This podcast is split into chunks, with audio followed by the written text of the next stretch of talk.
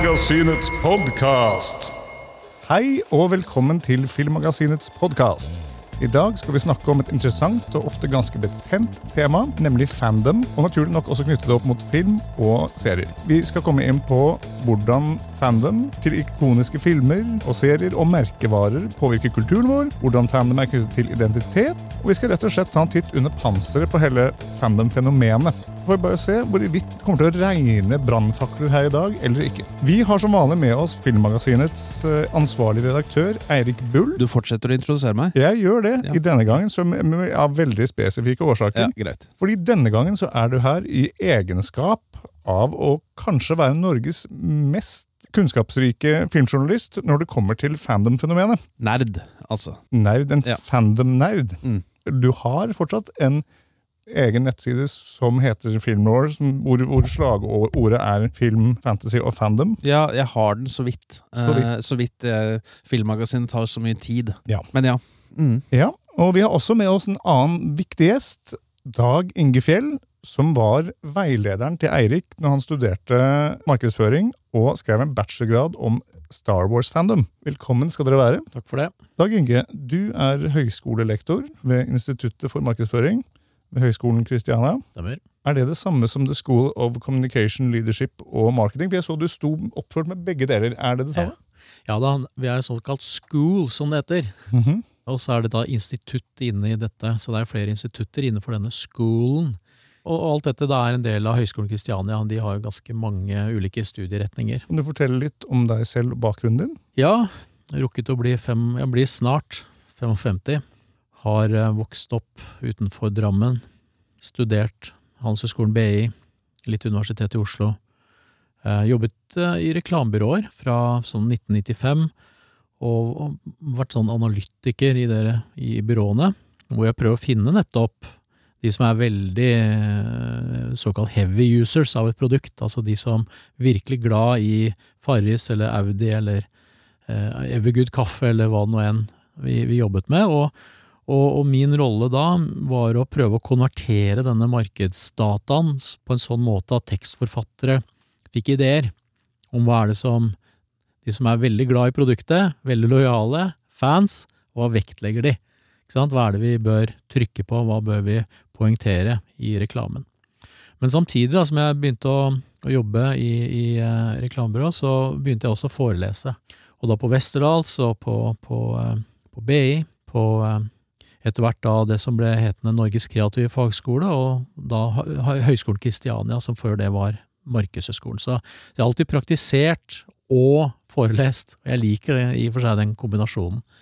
Eh, Da får man liksom dykka ned i litt teori, og så ser man ok, holder dette når man skal prøve å gi, gi råd til kunder, annonsører, reklamebyråer. Ja. Så det er ganske, ganske interessant. Mm. Du har da ganske mange studenter. Ja, jeg har vel en um, 120 stykker i halvåret. Jeg har et ansvaret for et uh, valgfag som jeg har eh, utviklet, som heter reklame og visuell kommunikasjon. Og da har jeg sånn ca. 70 studenter i, i Oslo, og litt i underkant av 30 i Bergen. Så, så jeg får et ganske godt innblikk i liksom, hva unge mennesker eh, er opptatt av, hva de kan, hva de mener, hvordan de responderer da, på disse fan-teoriene, som jo er en viktig del av pensum. Ser du noe til noen fandoms blant eh, studentene? De er nok kanskje litt forsiktige med å skal vi se, tydeliggjøre hva de er virkelig, virkelig fan av. Jeg prøver å teste ut det, det jeg tror de er fan av, men jeg får ganske, ganske vage svar, må jeg si. Jeg, jeg er veldig i stuss nå, for eksempel, om dette med, ikke sant? Jeg trodde alle skulle være helt opplest eh, og, og ikke minst eh, ferdig sett på Succession. Mhm. Tenkte at du, du kan da ikke være student i 2022 på en sånn markedsføringslinje og ikke liksom følge Succession. Nei, jeg tror det bare var ei som, som var à jour, og som pleier å snakke med meg, iallfall syns om denne episoden. Mm. Så veldig overrasket over det. Eh, veldig overrasket. Så, men, men. Men jeg prøver å oppmuntre deg til at ok, det er, det er lov å se gode TV-serier og fordype seg i, som du kan også koble mot pensum. Det er liksom noe av det jeg prøver å, prøver å formidle. Det er en Ja. måte å, å si, bli underholdt eh, og opplært samtidig. Jeg kan se for meg at det er mye relevant for faget som uttrykkes gjennom TV-serier. absolutt. Å ja, ja, ja, det er masse, det er masse. Og de beste og hvis vi Bare tenk på White Lotus, altså bare tenk på liksom hele denne tidsånden vi er i, og unge gutter og woke og ikke sant. Altså du verden for en eh, fantastisk gjennombelysning av det, altså. Mhm. Og ikke minst dette, disse, disse, disse litt sånn fraværende, distanserte arvingene liksom, fra California. Disse, disse new, new age-damene som begynner å komme litt opp i årene. Mm. Fantastisk portrettert i White Lotus. Absolutt. Helt enig. En veldig god serie. Eirik, Ja. eh, Dag Inge var din veileder når du studerte. Det er sant. Og hvordan endte du egentlig opp med å skrive om Star Wars-fandom? Og hvordan har, har du fortsatt å jobbe med det videre? Uh, nei. Jo da, selvfølgelig har jeg det. altså, bakgrunnen her var jo at jeg eh, Jeg kom egentlig fra filmbransjen. Eh, jeg, jeg jobbet i produksjon. Jeg var, utdannet eh, produksjonsleder, som det, som det heter. Og ville bli produsent til slutt, etter at jeg hadde tidligere ville bli regissør, ville bli skuespiller og først eh, spesialeffektmaker. Eh, men da, den gangen var det ikke så mye spesialeffekter i Norge. Så jeg endte opp i en situasjon hvor jeg ble veldig veldig sliten av, eh, av eh, film- og TV-bransjen i Norge. Av andre forpliktelser så klatret jeg bare nedover og nedover på rangstigen i produksjonsmiljøet. Og, og til slutt så endte jeg opp på en produksjon hvor jeg TV-produksjon. Eh, Fylla het den. Eh, Fylla sesong to på NRK. Eh, det ble blind, blind vold på settet. Ikke min feil. Det var en tilfeldig fyr som angrep vedkommende vi eh, filmet. Sånn ut fra gata, altså. Eh, det blod på asfalten og alt mulig, og jeg var lei. Jeg, eh, etter litt eh, tid hvor jeg ikke trenger, ville gjøre noen ting, så tok jeg en eh, annen utdanning, og det var markedsføring. Og eh, reklame, og, og, og det var det jeg ville drive med, og det var litt av faren min. Fordi han hadde jo vært eh, Var det direktør? Eh, jeg husker ikke, han er pensjonert nå, men det var i Young and Rubicam, het det, det, det selskapet. Så det var da, det var da på 80-tallet og 90-tallet. Det er jo sånn med filmbransjen at du, du slipper jo ikke unna når du først har begynt. Eh, så eh, det er liksom sånn Hotel California, og, og det at du, du kommer deg ikke vekk. Så du eh, ender opp med å eh, Hver eneste gang jeg fikk eh, lov til å velge tema for mine case-oppgaver og sånn, så ble det film, da. Det var film hele tiden. Film, film, film. Ikke sant? Og da eh, har jeg vært Star Wars-fan siden jeg var syv år gammel. Jeg er født to, eh, tre dager etter premieren på den første Star Wars-filmen.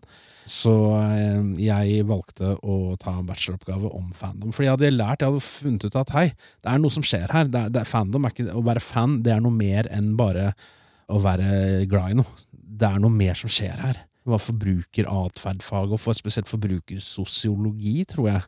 Eh, av- jeg husker ikke hva han foreleseren het, eh, men han var, det var veldig dyktig. Så hjalp det at jeg fikk A i det faget. Men, eh, men det var sånn jeg valgte det temaet, var spørsmålet. Det var det, hvordan jeg kom inn på det. Ja. Ja, nei, altså Jeg fant noen bøker da, om fandom, og så tenkte jeg at dette må jeg skrive om. Og så fant jeg en Så ble jeg foreslått Dag Inge skulle være min faglige veileder. Og så ble det foreslått en bok av en som heter Douglas Holt, og da var det liksom Ok, dette her, her er det noe som skjer. Så dette måtte, vi, måtte jeg gå inn, videre inn på. Og til og med etter den, eh, den oppgaven, etter den bacheloroppgaven, så har jeg brukt dette her. Og det trodde jeg aldri jeg skulle gjøre. Det er sånn du sitter på skolen, ikke sant, på videregående, og så tenker du at dette er jeg lærer nå, det, skal, det kommer jeg aldri til å få bruk for. Det er, dette er helt omvendt. Mhm. Dette, her brukt, dette bruker jeg hele tiden i, i profesjonelle livet. Da. Så um, og den typen å, å analysere fans, fordi jeg, jeg utsetter meg jo for mye fandom, for å si det på den måten. da. Eh, Det er veldig mye sterke meninger om ting, og det er, Oh yes. jeg blir jo eh, ofte spurt om, om dette her av folk som er i bransjen. Og da har jeg, bruk for Douglas Holt sine teorier. Nå. Ja, de mistenker at vi sniker oss mer Mm. innom etterpå. Eh, hvilke fandoms eh, vil dere si at dere er del av? I dag så er jeg absolutt, og det har vært eh, egentlig veldig lenge, mange tiår, det er jo Apple eh, fandom, Apple Computer. Mhm. eh, absolutt har vært med hele veien. Det var et par år altså på 90-tallet, la oss si sånn 93-94, hvor jeg Altså da var Apple så ute av skal vi si, eh, tetsjiktet, at jeg også måtte gå over til noen Windows-maskiner. Det var Mhm. noen år som var vanskelig krevende år. Eh, så kom jo da Steve Jobs tilbake, og bang, så var jeg tilbake igjen. Apple. Og så er jeg blitt da blitt veldig, veldig Bob Dylan og Beatles-fanatiker, eh, fan, blodfan, opp gjennom, opp gjennom årene. Og så er det sånn at de, de tre her er jo enorme universer, altså. Eh, Fandom-universer, hvor du gjenkjenner disse teoriene spilles ut. Du gjenkjenner liksom hva, hva, man, hva man snakker om med, med, med hensyn til fandom. Så, mm, så jeg vil vel si det. Og så er det sånn også at, eh, at jeg jogger en del og trener en del, og da er jeg sammen med andre da, som, som er eh, veldig utfordrende overfor mitt valg av treningsklokke. At jeg har gått for Apple Watch, og nå en Apple Watch Ultra, mens de er i Garmin og Polar og alt dette her, så de håner meg mye og, og er veldig sånn ja ja, du kan vel ikke gjøre dette her og Ikke sant? Så det er, um, men, men da er det sånn at det da er det allianser da innenfor den der gjengen der, ikke sant? hvor han ene da, som er veldig høyrøsta, han Garmin, han har en sånn uh, Android-telefon, og det går ikke upåakta hen, da. så det er liksom en ny allianse, hvor vi som er Apple-fans, vi kan håne han, men jeg har da denne Så det, det er noe på oss alle. Eh, Men, men fandom er jo den derre rivaliseringen i skolegården, ikke sant. Mm. Men hvis vi, hvis vi bare liksom får introdusert hvor viktig dette er, så er det jo sånn at, eh, at eh, i regnskapsfaget så har man denne 20-80-regelen som man snakker om. Altså at, at 80 av fortjenesten din, businessen, penga, profitten, kommer fra 20% av kundene. Ikke sant? Det er ofte en sånn 20-80-regel, som det sies. Og det er jo det essensen av fandom. Mm. Altså at, at, at fandom, de kjøper til full pris. Når Bob Dylan kom med en ny sånn eh, bootleg series box, så, så er jo vi utenfor platekompani og skraper på døra, ikke sant? Nå må dere åpne opp. Og da kjøper vi til full pris. Kjøper til full pris. Ja, ja. Hver gang Beatles kommer med en ny boks, kjøper til full pris. Så hver gang det, det vi er fan av kommer ut, så kjøper vi til full pris. Vi må ha det med en gang. Mm. Ja, det kommer på salg om et år, men fanken, tenk om vi ikke lever da? Ikke sant? Og, eh, på det tidspunktet der. eh, Mye som kan skje. Mye farefulle ting. Og det gjelder å få det på harddisken så fort som mulig. Det er jo det eneste vi tar med oss videre, ikke sant? De opplevelsene. Mm. Så, så, så det å være fan innebærer at du kjøper til full pris. Så sterke produkter, altså sterke merkevarer, må også være lønnsomme. Ikke sant? Så dette henger nøye sammen. Men bare tenk deg da 20, og, og da strekker vi det litt, fordi Douglas Holt, da, som du nevnte, Eirik, Mm. han, han påpeker at disse die hard-insiderne, som han kaller den innerste kjernen av fandom, insidere, Mm. De er ikke mer enn 10-15 av kundene. Kunden. Eh, Det er jo dette jeg, jeg lærte var en kalles majority illusion. De som sitter inne i den innerste kjernen, de får fort inntrykk om at de er alle. Mm. Fordi at de snakker så veldig, veldig høyt. Og det er i Star Wars-fandom spesielt. da. Der er det jo noen få influensere eh, og, og, og opinionsledere som sitter på YouTube og, og roper veldig, veldig høyt. Mm. Det er blitt sånn der, det er enkeltpersoner. Man kan kjenne igjen disse. Fordi at det er eh, enkeltpersoner som, som Han har den meningen om de tingene. Mm. Disse folka hører på han, mens de andre hører på han der og dem. Men angående min, eh, min fandom Nå kan ikke dere som hører på dette se det, men tatoveringen min på armen, ene armen er jo et hint. Det er jo Star Wars og Lord of the Rings. Og jeg er jo, som de som har hørt på de andre episodene våre, jeg er jo nesten litt beryktet for å være den antakelig Norges mest positive Star Wars-fan. Så jeg, jeg er glad i Star Wars. Det, det skal veldig mye til for at jeg misliker Star Wars. Så det er min fandom, da. Så Beatles uh, vet jeg ingenting om. Uh, jeg, jeg bruker eh, Android, men jeg jogger ikke, så. Jeg tenkte vi skulle gå litt ned i definisjonene først her nå. Vi Ja. var jo innom det, men hva er enkelt forklart fandom? Fandom eh, er en eh, Hvis jeg skal eh, En gjeng med mennesker som liker noe? Ja, altså det er en, enkelt forklart. Du spør feil folk da, altså. Nei, det er en eh, Man kan kalle det en, eh, en det, det jeg pleier å si, at det er en, en superkultur av de som er veldig opptatt av noe, hvor de er såpass opptatt av noe at det styrer hvem de er. Altså, det styrer identiteten deres. Ta et eksempel som da jeg ble en del av Star Wars-fandommen. Jeg husker ennå akkurat da det skjedde. Jeg var syv år gammel. Men fandom er også en sosial subkultur, hvor du har da Du er fan eh, du- Man kan si at, eh, kan si at å være fan, det er Man kan kalle det et adjektiv Nei, å være sier eh, et verb. Du er fan. Du fanner, kan man faktisk si.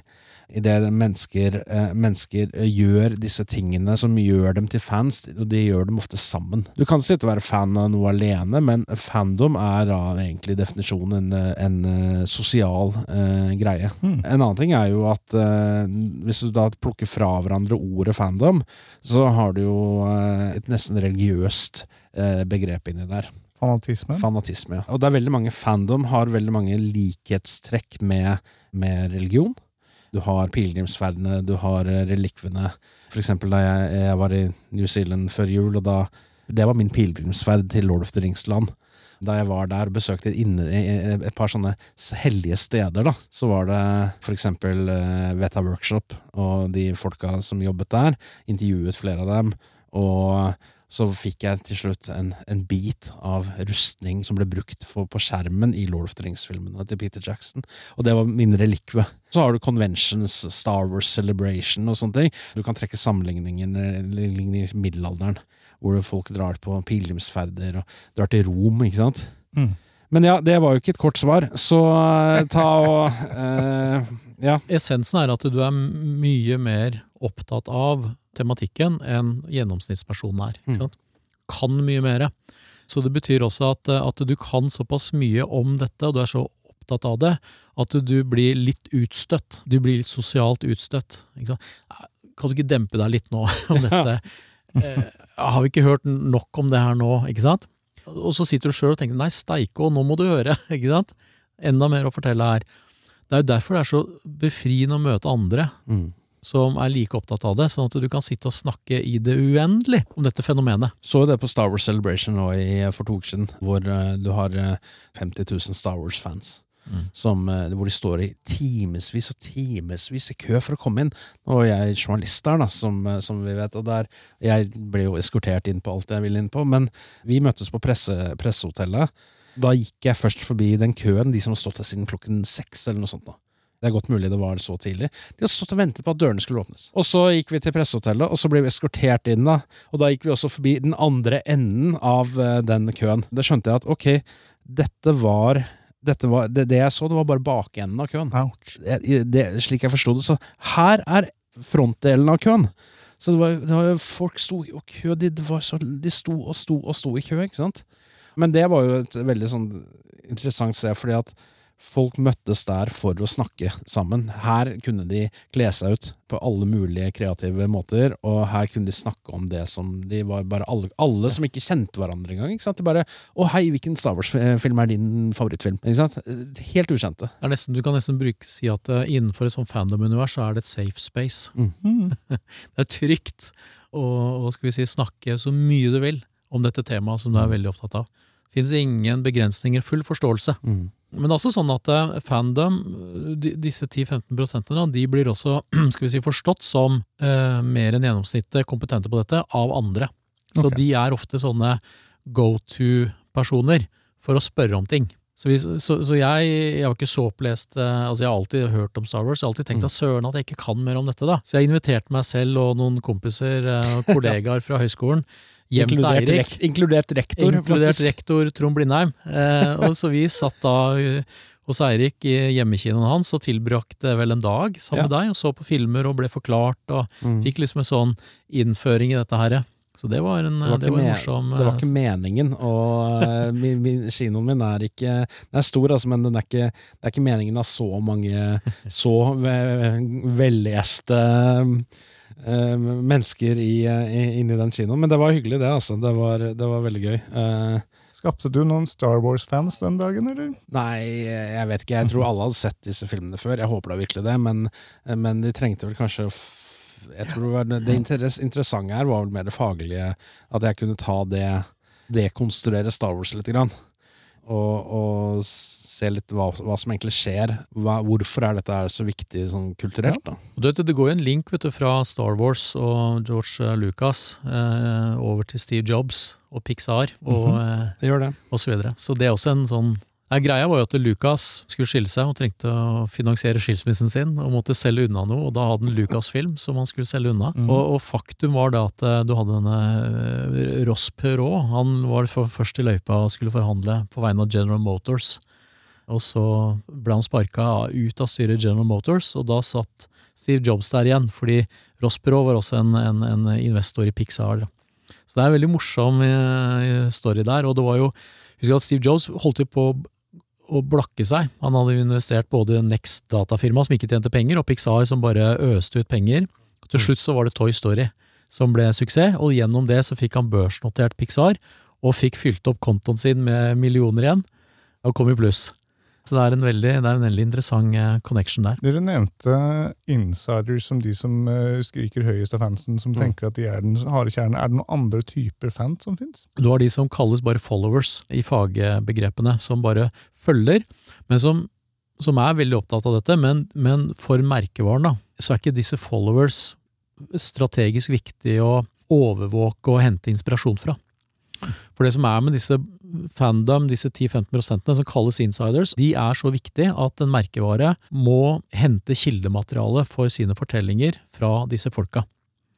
Men det som også er interessant, det er da Og så har du disse som, som bare er såkalt feeders, altså sånn medgangssupportere. Ikke sant? Så det er veldig lett å, å tenke da Brann, da. Ikke sant? Som fotballag. Altså de som, de som var på Brann stadion, selv når Brann da var nede i denne Obos-ligaen. Da, der har vi insidere som sto og sang og holdt på. ikke sant? Det er klassisk, de gir seg ikke. Ja. Husk at insidere, det er veldig viktig for dem at de viser at de har integritet. At de har en selvstendighet. Og de kan ofte være mye mer kritiske til fenomenet, altså merkevaren, enn de som bare følger med på laget, og de som er andre tredjegruppa, da, som er medgangssupportere. Og, og nettopp det at de er kritiske, det at de, de er si, analytiske og viser sin uavhengighet, er veldig, veldig viktig. Så, så, så det er liksom disse 10-15% insidere de, av fandomen, de, de er det mest krevende å forholde seg til. Mm, ja, det ser vi jo ser vi i Star Wars hele tiden. Ja. Der er det, det er veldig mange som uh, mener uh, Har veldig sterke meninger om, eh, om uh, i Star Wars. men det de ofte glemmer, eller veldig mye av den retorikken de kommer med, da, det er jo, det er jo eh, Lucasfilm har eh, ødelagt eh, Star Wars. Eller Disney ødelegger Star Wars, er veldig mye det. Mm. Ut med Daisy Ridley, ikke sant. Så, sånne ting som det. Vi hadde jo da også det i på starten av 2000-tallet med død over Jar Jar Binks, ikke sant. Så, sånne ting som det. Det var insiderne.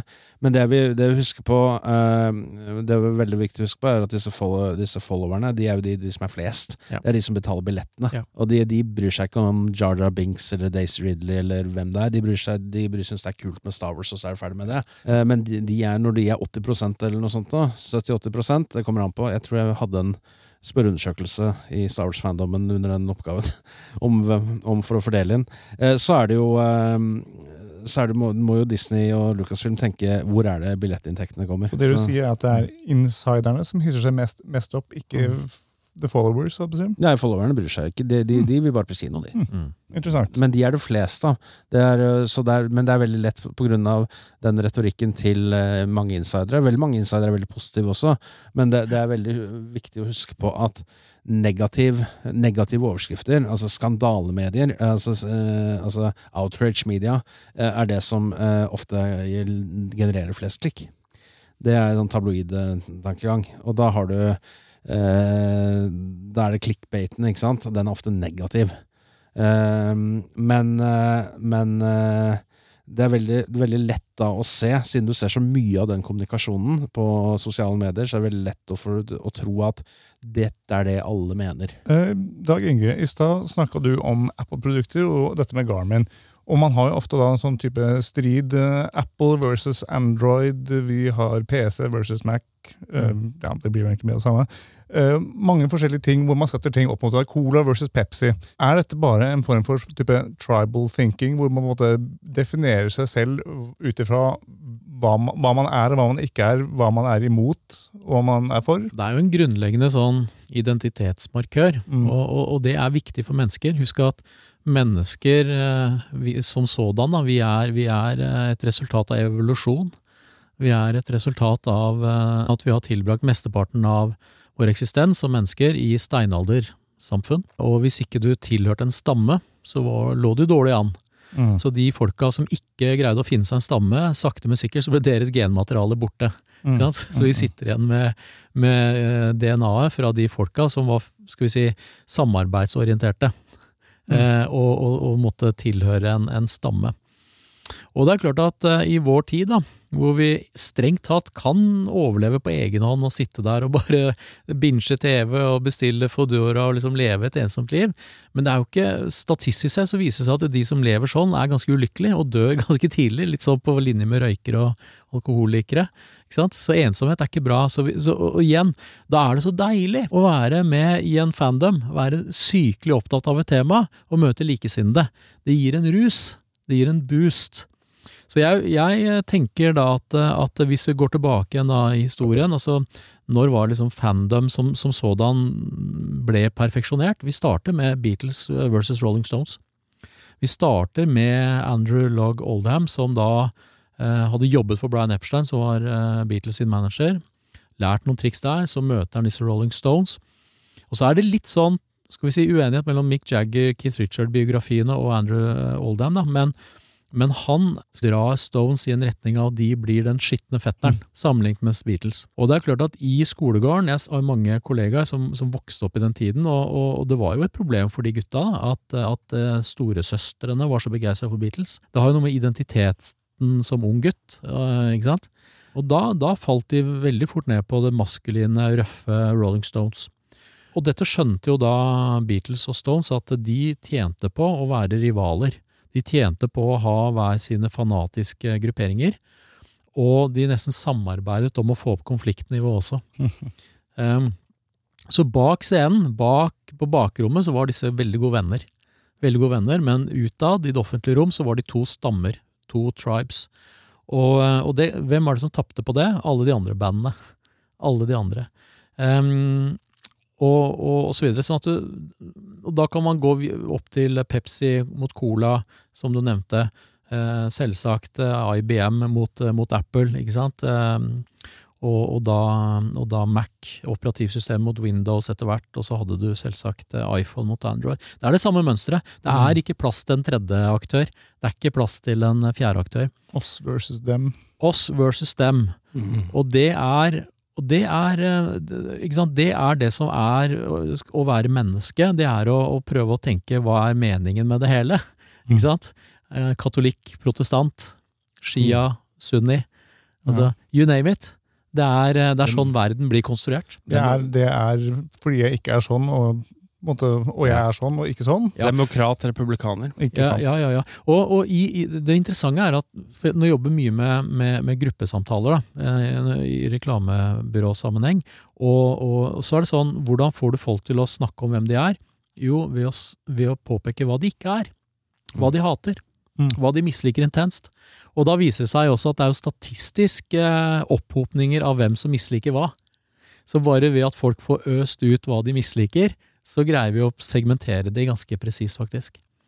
Uh, og det, film, da, hvis vi, hvis vi, går til det, altså Jostein Gripsrud vi si, undersøkte veldig detaljert studenter i Bergen sine kulturelle preferanser i et sånt Bourdieu-skjema, sosiologen mm. Bourdieu, hvor han finner at overklasseunge, de liker også lavkultur.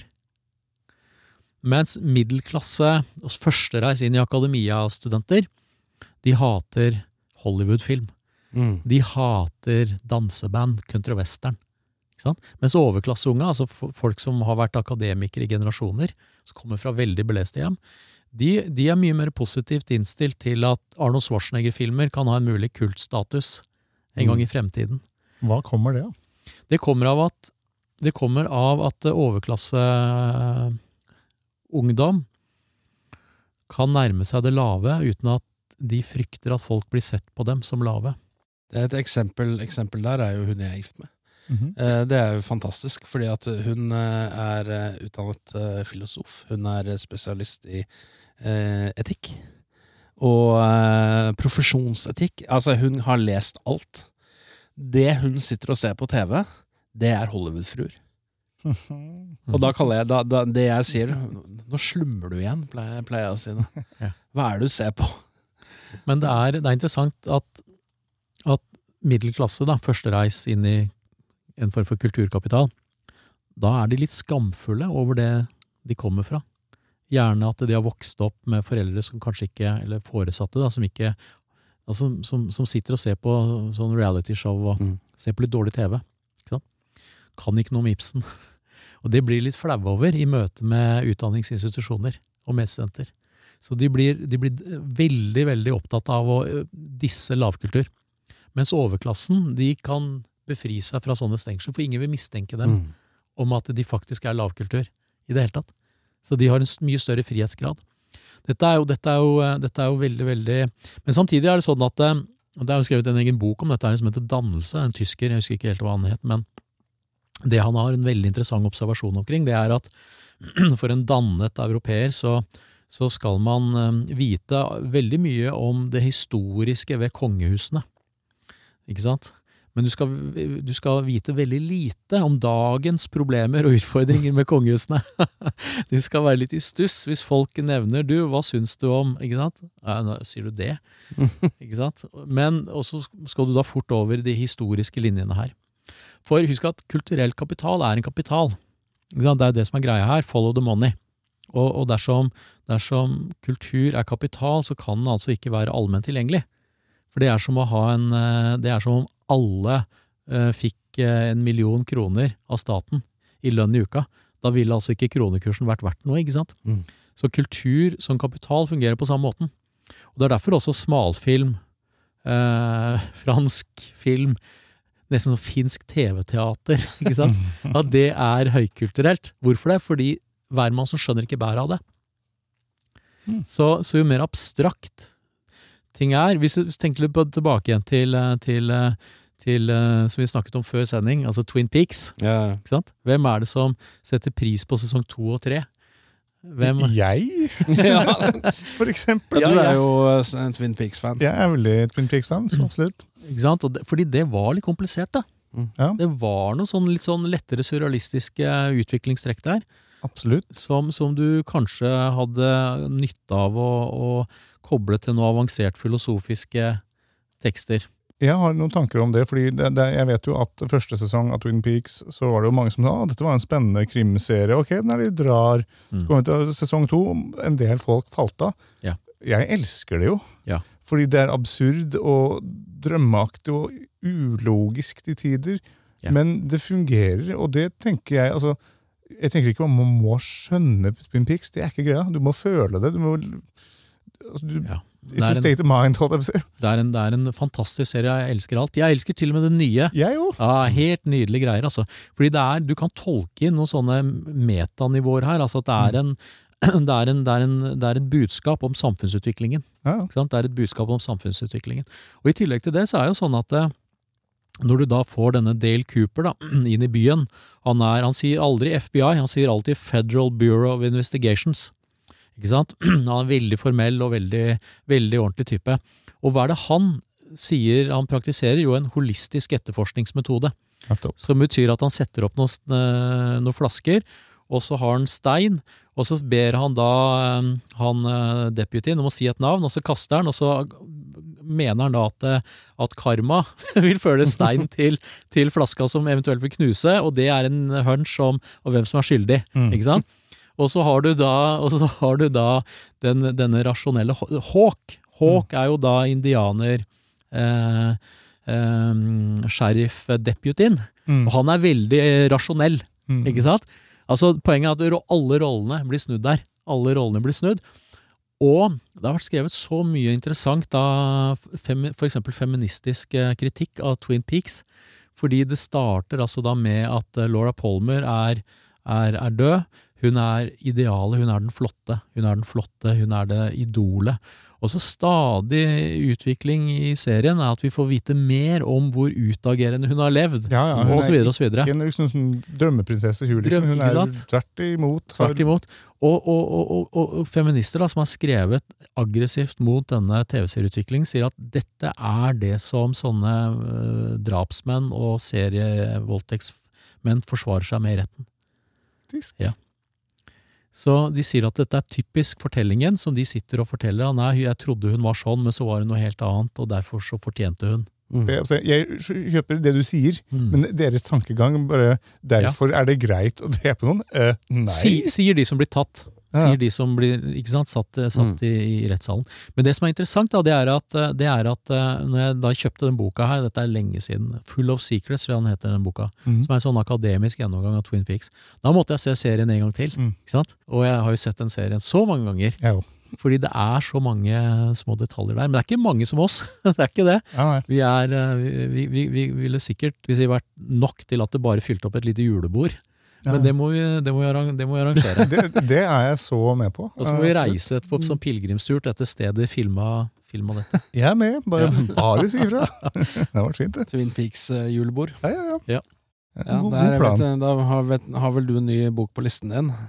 Ja, ja, det har jeg faktisk. Mm. Uh, ja, Den har jeg lyst til å lese, for den har jeg ikke. Jeg har litt Twin Peaks-bøker hjemme, men ikke den. Det er jo interessant, da, den der, for å trekke det over til uh, Star Wars. Uh, Der har du det du sier om, eh, om dette her med det intellektuelle. Det var jo i 2000 og, Når var det? 17? 18? Eh, Så kom jo den der The Last Jedi, og den var jo da sett på Det var en annen regissør. Det var, eh, den var jo helt annerledes enn det av noe som hadde kommet tidligere. Og den var jo sett på som langt mer intellektuell og, og, og dekonstruerende enn det Star Wars hadde vært fram til det, da. Den ble jo forhatt av mange. Eh, mange eh, som kalte seg veldig Star Wars-fans. Men kritikere elsket den. De er veldig glad i den filmen. Eh, så da har du på den der Rotten Tomatoes, som eh, går fra måler, eh, måler fandom Eller måler da publikums tilbakemelding.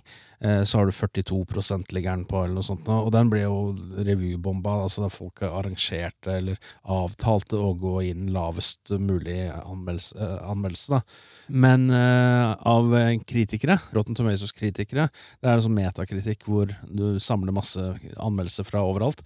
Den har uh, vel 94, eller noe sånt, av 100. Det er en drastisk forskjell. Det, det, jeg syns det er en veldig interessant å se på hvordan fandomen da har De, de ser ikke filmkvalitet i det hele tatt. Så lenge det går imot det de oppfatter som ekte. eh, Da, eh, Douglas Holtz snakker vel om den ubesudlede verden. Den ekte hva Star Wars skal være, da. Eller ikke skal være. Så eh, får den veldig hard medfart. Mens kritikere ser jo på det som Er det en god film? Er det en god historie? Er det et godt manus? Og jeg som filmkritiker mener jo absolutt vil, Det er jo kanskje min favoritt Star Wars-film. Jeg er både fan og kritiker. Det, så jeg er veldig enig med den, den eh, anmeldelsen. Ja, de har vel diskutert The Last Jedi ganske mange ganger. Det du sier, det ordet som er interessant, da, ubesudlet. Hva, hva innebærer det?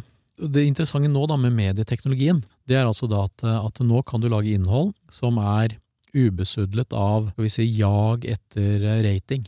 Jag etter eh, reklamemarkedet. For det også har vært en, en veldig interessant greie å, å tenke på um, Twin Peaks, da, at, at eh, det var jo kommersiell reklame-TV, ikke sant, ABC. Mm. Og så var det sånn at mange sier at grunnen til at dette ble dratt litt ut, var jo fordi de skjønte at de hadde en hit, og da kunne de selge mer reklame. Og dette var jo en del av den gode, gamle reklamefinansierte TV-økonomien. Mm. Mens i dag, da, med strømmeøkonomien, så kan altså da innholdsprodusenter ta mye større kunstnerisk risiko. Og det syns jeg, og det, det tror jeg er en veldig bra kobling opp mot dette og fandom. Fordi hvis Breaking Bad, altså siste sesongen der, du verden hvordan de skrudde opp på usympatiskalaen. Absolutt. Ikke sant? Det ble vanskelig å se sesong fem. Mm. Det var ikke noe feel good og, og lykkelig slutt i det hele tatt. Og det er det som er så interessant med, med fandom i dag, og det er nok der også man tenker litt som Disney, da. Altså Disney er veldig opptatt av at alle skal bli lykkelige til slutt. Mm. Ikke sant? At det kanskje, og, og det ligger på merkevareplan, ikke sant? Disney Mickey Mouse og, og, og Donald og alt dette her, det er jo lykkelig, og det er sånn feel good-univers. Sant. Absolutt. Jeg er jo i fall kanskje den i filmmagasinet som jeg elsker mest, hvor det er grusomt, forferdelig og, og mørkt. Ja. Så på en måte, jeg, Og jeg liker jo på en Ja. måte det òg, men jeg vil gjerne ha det går, Ja. at det går helt andre veien òg. Og, og, og der syns jeg vi kan gå inn i et annet tema. Altså en annen, et veldig nyere godt eksempel er House of Cards. Mm. Altså fordi Det interessante her er jo at House of Cards er skrevet Romanen i sin tid ble skrevet av en som da jobbet politisk eh, rådgiver for Margaret Thatcher, og, og eh, hadde da tatt doktorgraden sin på kjernefysiske forhandlingsstrategier. ikke sant? Så han var godt skolert brite, og da kan du alt av Shakespeare, og du har lest alt av Machiavelli og sånt noe. Så han bare, den dagen da han ikke fant tonen lenger med Thatcher, så satte han seg og skrev en roman som handlet da om hennes fall og renkespillet som da begynte. Men han tok utgangspunkt i Macbeth fra Shakespeare. Han, han, han tenkte veldig nøye på hvordan er det med liksom en machiavellisk karakter går fram nå. Og du verden så flott da den, og kompromissløs, de to første sesongene med Kevin Costner, ikke Kevin Costner, men, men Spacey. Spacey, hvordan, hvordan det var. Og så er det sånn at de får ikke helt på plass siste den der sesong, sesong tre, for den, i den britiske så er den satt da til fredsforhandlinger. Så man skal bli fredsforhandler, og veldig opptatt av Kypros-konflikten, men han sørger da for å gå inn på og støtte den siden, som gjør det lett for hans familiefirma å, investere i leteboring etter olje. Ikke sant? Mm, mm. Så det er et sånn der herlig machiavellisk eh, eh, spill hele veien. Og dette hadde ikke vært mulig å få vist på TV, hadde ikke vært for den strømmeutviklingen. Mm. Ikke sant? For, for det strømmeuniverset gir oss, det er mulighet for kompromissløse uh, serier og, og filmer. Så det er mørkt.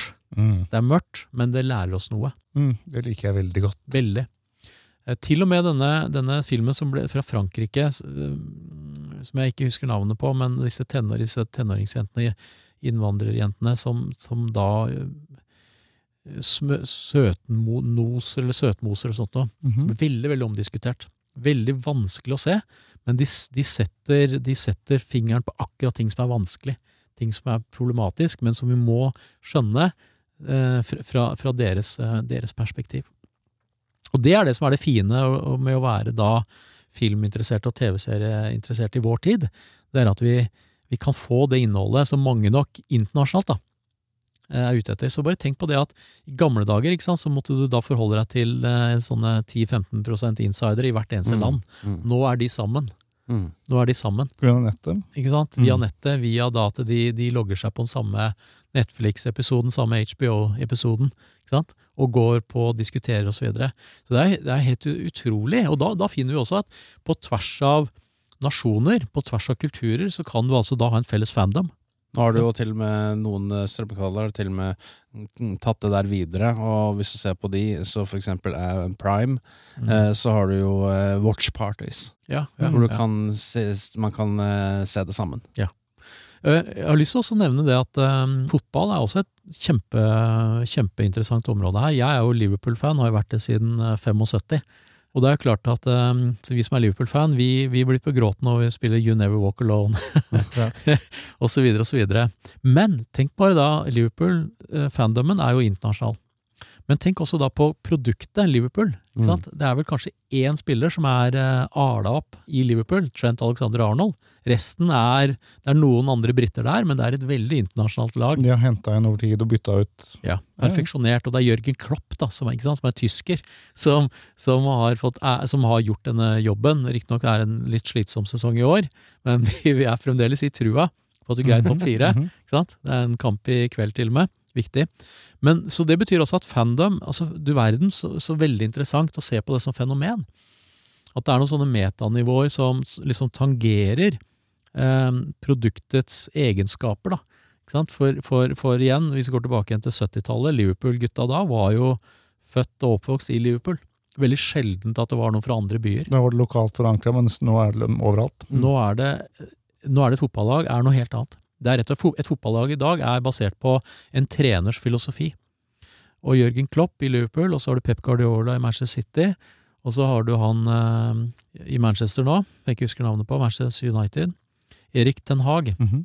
Og da ser du at det er, det, er, det er blitt noe helt annet. Og dette er det som Ted Lasso-serien tar opp, som også er veldig, veldig interessant. Som, og, og som da har en sånn kult-following Den har jeg ikke fått med meg, har du sett Ted? Lasso. Eh, Nei, har ikke det. Sånn. Det er, det er Apple, det er det ikke det? Apple, Ja. Ja. Det har vunnet masse priser for Ja, jeg har hørt det. Vi er jo Vi er jo Golden Globe-stemmere her, Ja, så, ja, ja. eh, så det, kanskje det er noe du skal vi skal ta en titt på. Ja, det er ikke dumt. Hvordan skiller film- og seriefandom seg fra andre typer fandom? Ikke så mye, egentlig. Du har jo en større verden uh, ofte i uh, seriefandom. Det har du. Vi snakket om Twin Peaks. Nå har ikke jeg det samme forholdet til uh, Twin Peaks som dere har. Men det er absolutt en, en serie vil ofte danne en verden, og det var jo mer da det ble, var mye linær TV. Fordi at da var det ukentlig. Da var det den derre eh, watercooler-effekten av det, hvor du hadde hvor, hvor, Har du sett den episoden som gikk på tirsdag? Da var det veldig mye av det, og, og det, det ble en et, eh, Ja, det ble en eh, kan, I alle fall en sånn derre talkies, snakkis, eh, rundt dette her. Rundt fandom, eh, rundt serier, da. Og det dannet jo gjerne fandomer.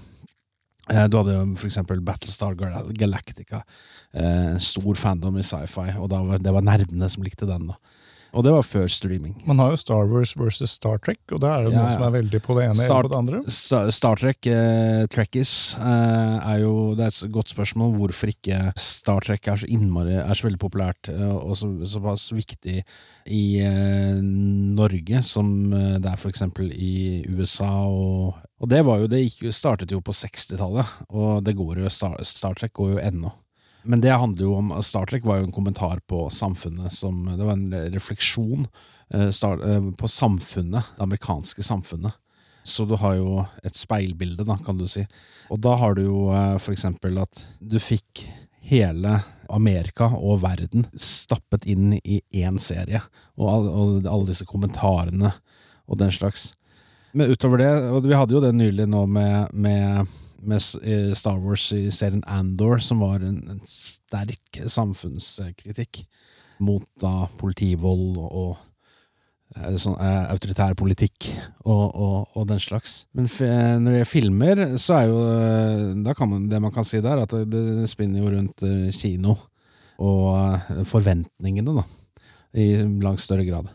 Som, eh, som kinofilm eh, skaper. Mm. Så det er jo eh, det er sånn de forskjellige fandomene kan skilles fra hverandre. Men det er jo ofte de samme fandomene nå, spesielt. Du har Marvel-serier, du har Marvel-filmer. Star Wars-serier, Star Wars-filmer. Star Trek eh, også, men Star Trek, alt, alt, det, alt, det blir egentlig. franchises, og det blir, det blir mye mer, uh, mye mer uh, fandom rundt en franchise enn for eksempel da serier og filmer. Du har jo også Twin Peaks, har jo også da serier, eh, serie, men da har, det jeg har forstått, da er jo også filmer. Eh, vel, altså, det er tre sesonger um, med Twin Peaks. To Ja. av dem kom for vel 25 år siden, så, Ja. eller litt over 25 år siden. Så kom det en tredje sesong 25 år etterpå, og så, ja, eller etter de to Ja, sesongene så, så kom Firewalk med i film filmen. også, Det er én film som på en måte forklarer mer av bakgrunnen i de første to sesongene. Ja, ok. Kort fortalt. Så det er én Mm. film, tre sesonger. Det er riktig. Fandom er viktig for kinoøkonomien. Mm. Og det er branding, da. Og ikke minst hvis man skal erst, hva heter det, eksportere fra USA til særlig Kina, så viser det seg at, at eh, Superman, Spiderman, alle disse superheltene, de selger som bare det. De, de, de repeat purchase. Så det er, go, det er god kinoøkonomi. James Bond, ikke sant? Det er, det er god kinoøkonomi, alle disse, disse her. Og i tillegg til det, så, så vil det jo være god medieøkonomi og klikkøkonomi. Hvis du, hvis du legger på da, hvem? Hvis du da sitter i mediehusene, så, så veit du det at du, du må ha artikler, du må ha reviews. Mm. Og det, det engasjerer folk, folk klikker på det, og da, og da un- under kommentarfeltene så vil jo da blodfans ikke sant, virkelig gå i rette med denne kommentaren, og du har ikke skjønt noen ting, Mm. og så videre og så. Eh, så det er, det er godt for både kinoøkonomien og, og medieøkonomien. Eh, og så er det da selvsagt produkter produkter oppå der igjen. Husk at eh, James Bond-serien er jo interessant, for de er en av de pionerene også med dette med produktplassering, som jo også er veldig omstridt blant fandom. Mm. Og, Det blir den ubesudlede verden hvor Ja. økonomi ikke skal ha noe å si. Den blir plutselig en, Mm. eh, plutselig en viktig del av det. Den klokka til James Bond, Mm. plutselig er det en del av fandomen. Den der, eh, at det er, der, der er produktplasseringen blir positiv, da, på en måte. Mm. Eller så må du drikke martini. Ja, du må drikke martini. Og, skal... og hvis du gjør en endring der, så er det veld, Ja. veldig interessant også forventningene. Det var jo, det var jo enorm um, spekulasjon i hva søren er det de holder på med, når de inngikk da en avtale med å bruke Ford Mm. som bil, ikke sant, i Casino Royal, eh, filmen. Men så viser det at de har løst det på en briljant måte. Det er jo selvsagt leiebilen fra flyplassen til Casino Royal, hvor den ordentlige James Bond-bilen står, med alle Lurifax-tingene. James Bond har greid seg veldig bra som Mm. franchise, som, som, som konsept. Eh, Daniel Craig har jo gjort en fantastisk ja. rolle. Min favoritt-Bond. Han er bare helt fantastisk. Men jeg vokste jo opp, jeg tror at noe av det første kinoopplevelsen min må ha vært eh, James Bond med Roger Moore. Altså, Mm. for, jeg tror det var For Your Eyes Only, som var første liksom, kinoopplevelsen.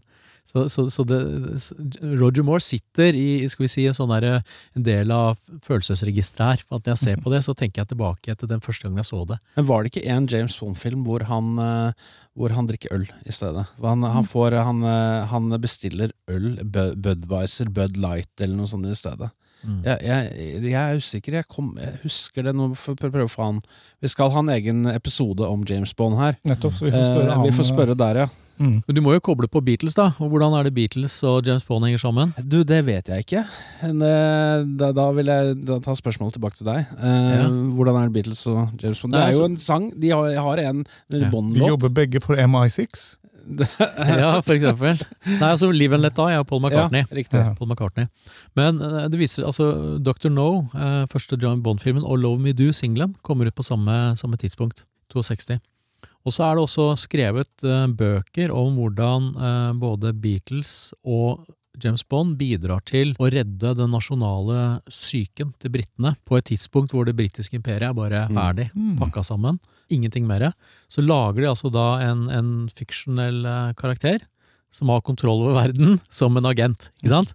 Så det er på mange måter sånn der britisk imperiesubstitutt. Og så får de samtidig, da, med Beatles, så får de en eksportartikkel. Og det blir kalt the British Invasion, og, og, og, og plutselig så dominerer altså England dominerer verden gjennom kultur, imperialisme, I, i fremfor kolonisering. framfor f- øh, kolonisering med makt og militærmidler, ikke sant? Kulturkolonialisering. Mhm, mhm. Det er interessant. Men hva gjør at noen filmer og serier utvikler en dedikert og engasjert fanbase, mens andre bare puff, ikke noe?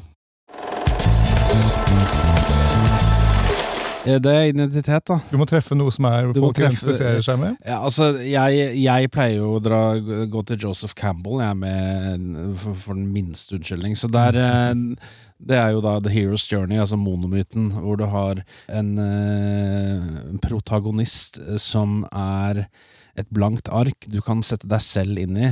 Da har du, en, har du et, potensial til en, til en fandom, sånn som Harry Potter. da. Er, eh, vi er alle Harry Potter hvis du er en eh, ti år gammel gutt. eh, Vokser opp og, eh, og har det ikke så innmari bra. Sånn som tol, kanskje en tolvåring eh, bor på Er ikke alle sånne tolvåringer, tolv år gamle gutter som har det så innmari bra? Særlig hvis de stapper deg inn uh, Under under trappen. kort un, Ja. ja. under trappa. Ja. Ja, og da, da blir det veldig fort, eh, fort gjort at du ser Harry Potter, og så kan du klare å identifisere deg med han. Du har Luke Skywalker, han er Det er ikke så veldig mye dybde i ham. Uh, han sitter på gården og uh, shooter, Womp eh, Rats. Shooter Womp Rats med sin uh, 1062, eller eh, hva, hvis, jeg, hvis jeg husker det riktig. Han er lett å, å plassere seg selv på. Han er, et, han er en ramme du kan selv sette deg inn i. Og så for eksempel hun i Hunger Games, og, og, og hun er Bell i, eller hva er det hun heter, i, i Twilight. Hun er jo virkelig ikke noen ting. Hun er jo bare En grå, formløs masse. ja, en grå formløs masse. Men du må jo noe videre der. Du må jo da ta denne Du har satt deg selv inn i, inn i den eh, rammen, og så setter, sender du denne eh, deg selv ut på da The Hero's Journey. Eh, altså, den, den historien, historiemodellen er jo i alle kulturer. Så den, eh, den Det er fordi at den gjenspeiles veldig godt i vårt eget liv. Vi har da ut på eventyr, vi får vår mentor, vi eh, kommer inn i den, den, eh, den, den magiske verdenen. Vi møter forskjellige utfordringer og kommer tilbake til hjemmet vårt igjen. Og det er da det er livet vårt. Vi er barn, vi vokser opp, vi kommer ut i arbeidslivet, vi møter utfordringer, vi dør til slutt, basically. Mm. Så det er, det er min teori, da, er at, eh, er at Heroes Journey er såpass god eh, av Joseph Campbell, er såpass god gjenspeilt, såpass godt livet vårt, og kombiner det med disse blanke arkene som da Sånn som Luke Skywalker, Harry Potter, og sånn som de, de, disse karakterene, de blir jo satt ut på en Hero's Journey. Som mange kan identifisere seg med. Nemlig. Derfor så begynner du å snakke om identitet. Derfor så, Og dette er Luke Skywalker er meg. Altså Da jeg var syv år gammel. Luke Skywalker. Det var meg, det. Det, det var, jeg, jeg identifiserte meg Dette var helten min.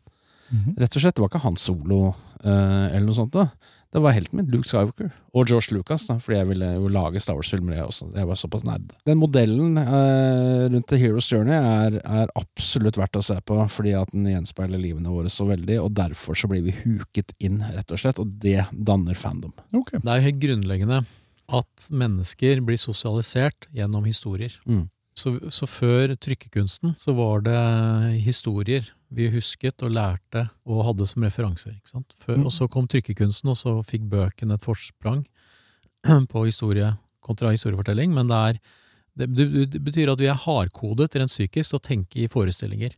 Til å tenke i bilder. Til å huske viktige ting gjennom Mm. hendelser, ikke sant? Som, som, som fortellinger. altså. Det er det vi er hardkoda til. Så filmer som treffer noe, de, de treffer noe vi grubler veldig over, som er litt uforløst hos oss. Og så greier vi å gjennomgå, og nesten sånn terapeutisk, dra oss gjennom viktige temaer. Og det er filmen som er psykologen vår. Veilederen, coachen, viser oss ting. Så det betyr også at de filmene som setter seg, som da har et sånt franchisekonsept, og som har fandom-potensialet, de er ikke bare medårs. De er altså da filmer som gir deg mye å tenke over. Som gir deg mye å reflektere over, og som du kan anvende nettopp til å tenke over ting. Gudfaren. Bare tenk, bare tenk da hvor vesentlig den er for å forstå både liksom de italienske innvandrerne og det som blir en del av mafiagreiene, men også da hvordan en familie med sine relasjoner og hvem som gjør hva, og hvem som er underdogen og transformasjonen, altså denne reisen, Hero's Journey, Mm. ikke sant, blir, blir veldig, veldig interessant med hensyn til den. Og disse historiene, altså hvis vi tar en ørliten eh, digresjon her nå, Mm. Åge Borchgrevink sin bok om Putin. Der har han med en veldig interessant passasje som dreier seg om at disse som jobbet eh, som strateger for Jeltsin, de drev veldig mye fokusgrupper på slutten av Jeltsin sin tid. Fokusgrupper i Russland. Liksom, hva slags ledere ønsker dere? Hvordan Beskriv denne ledertypen, som er den ide ideelle ledertypen. Og det de fokusgruppene hele tiden kom tilbake til, var da en karakter som var en sånn russisk, sovjetisk, KGB-intelligensia, stille, rolig, men var hard. Mm. Det var, det var idealet. Mm. Og der er jo Putin kasta perfekt inn. Så, så de som overtok etter Jeltsin, nei, unnskyld, de som, de som satt og så på den greina, de kasta Putin inn i den rollen. Klart at Putin med sin KGB-bakgrunn og alt det han har vært igjennom, var helt sånn perfekt til dette. Og det er jo den rollen han spiller ut Mm. Mm. og som han har vært veldig dyktig på. Så, så, og igjen, det treffer psyken til den russiske eh, opinionen. Det treffer psyken, mentaliteten, kulturen, hvordan de ser verden. ikke sant? Mm. Så det er veldig, veldig interessant, altså. Mm. Og, det, og liksom, tenk også da det mest, de mest outrerte kan altså da bli de mest populære ikke sant? Innenfor, innenfor dette med lederskap også. Hvis du er litt sånn stuck in the middle, så har du ikke noe appell. Obama versus Hillary Clinton. Ikke sant? Mm. Til og med Hillary Clinton mot Donald Trump. Ja. Altså, det, det, det mest ytterliggående, som, som passer inn i en fortelling, som har en karakter, hadde mer Hva, hva, hva skjer om to år, da? I USA? Der er det jo veldig veldig interessant, fordi fortellingen da, om De prøver jo å ta ut to forskjellige fortellinger nå. Mm. Ikke sant? Hvor, hvor Biden i går satt og snakket om frihet. Ikke sant? Hvor han ser at det han kan snakke om, er f.eks. frihet knytta til abort. Altså retten til å bestemme over sin egen kropp. Mm. Og det er en sånn målgruppe, veldig veldig interessant strategisk vinkling, som han tar ut en helt, en helt ny fortelling for demokratene å snakke om frihet. De snakker veldig ofte om narrativer i, i det politiske Ja, det gjør det. Og, og, og, til og med sånn, altså i USA så har du et begrep som heter central casting. Som er da et begrep som, som dreier seg om at det er sånne arketyper som du ser liksom i alle sånne spille, spillefilmer og TV-serier. Central casting. Og, og, og visstnok så skal Trump ha sagt om visepresident Mike Pence at han så ut som han tatt rett ut fra central casting. Ikke sant? Så når han da skulle velge en sånn visepresidentkandidat, så valgte han en som så ut som en som var visepresident. I markedsføringsfaget så har du dette uttrykket som heter 'perception is reality'. Oppfatninger er virkeligheten. Det er ikke virkeligheten, det er oppfatninger som er virkeligheten. Apropos eh, påvirkning av virkeligheten. Hvordan påvirker egentlig fandom selve filmindustrien? Er den med å forme den? Ja og nei. Eh, det er det jo, eh, for å si det sånn, da. Det er, jo, det er jo lett for meg å ta Star Wars som eksempel igjen.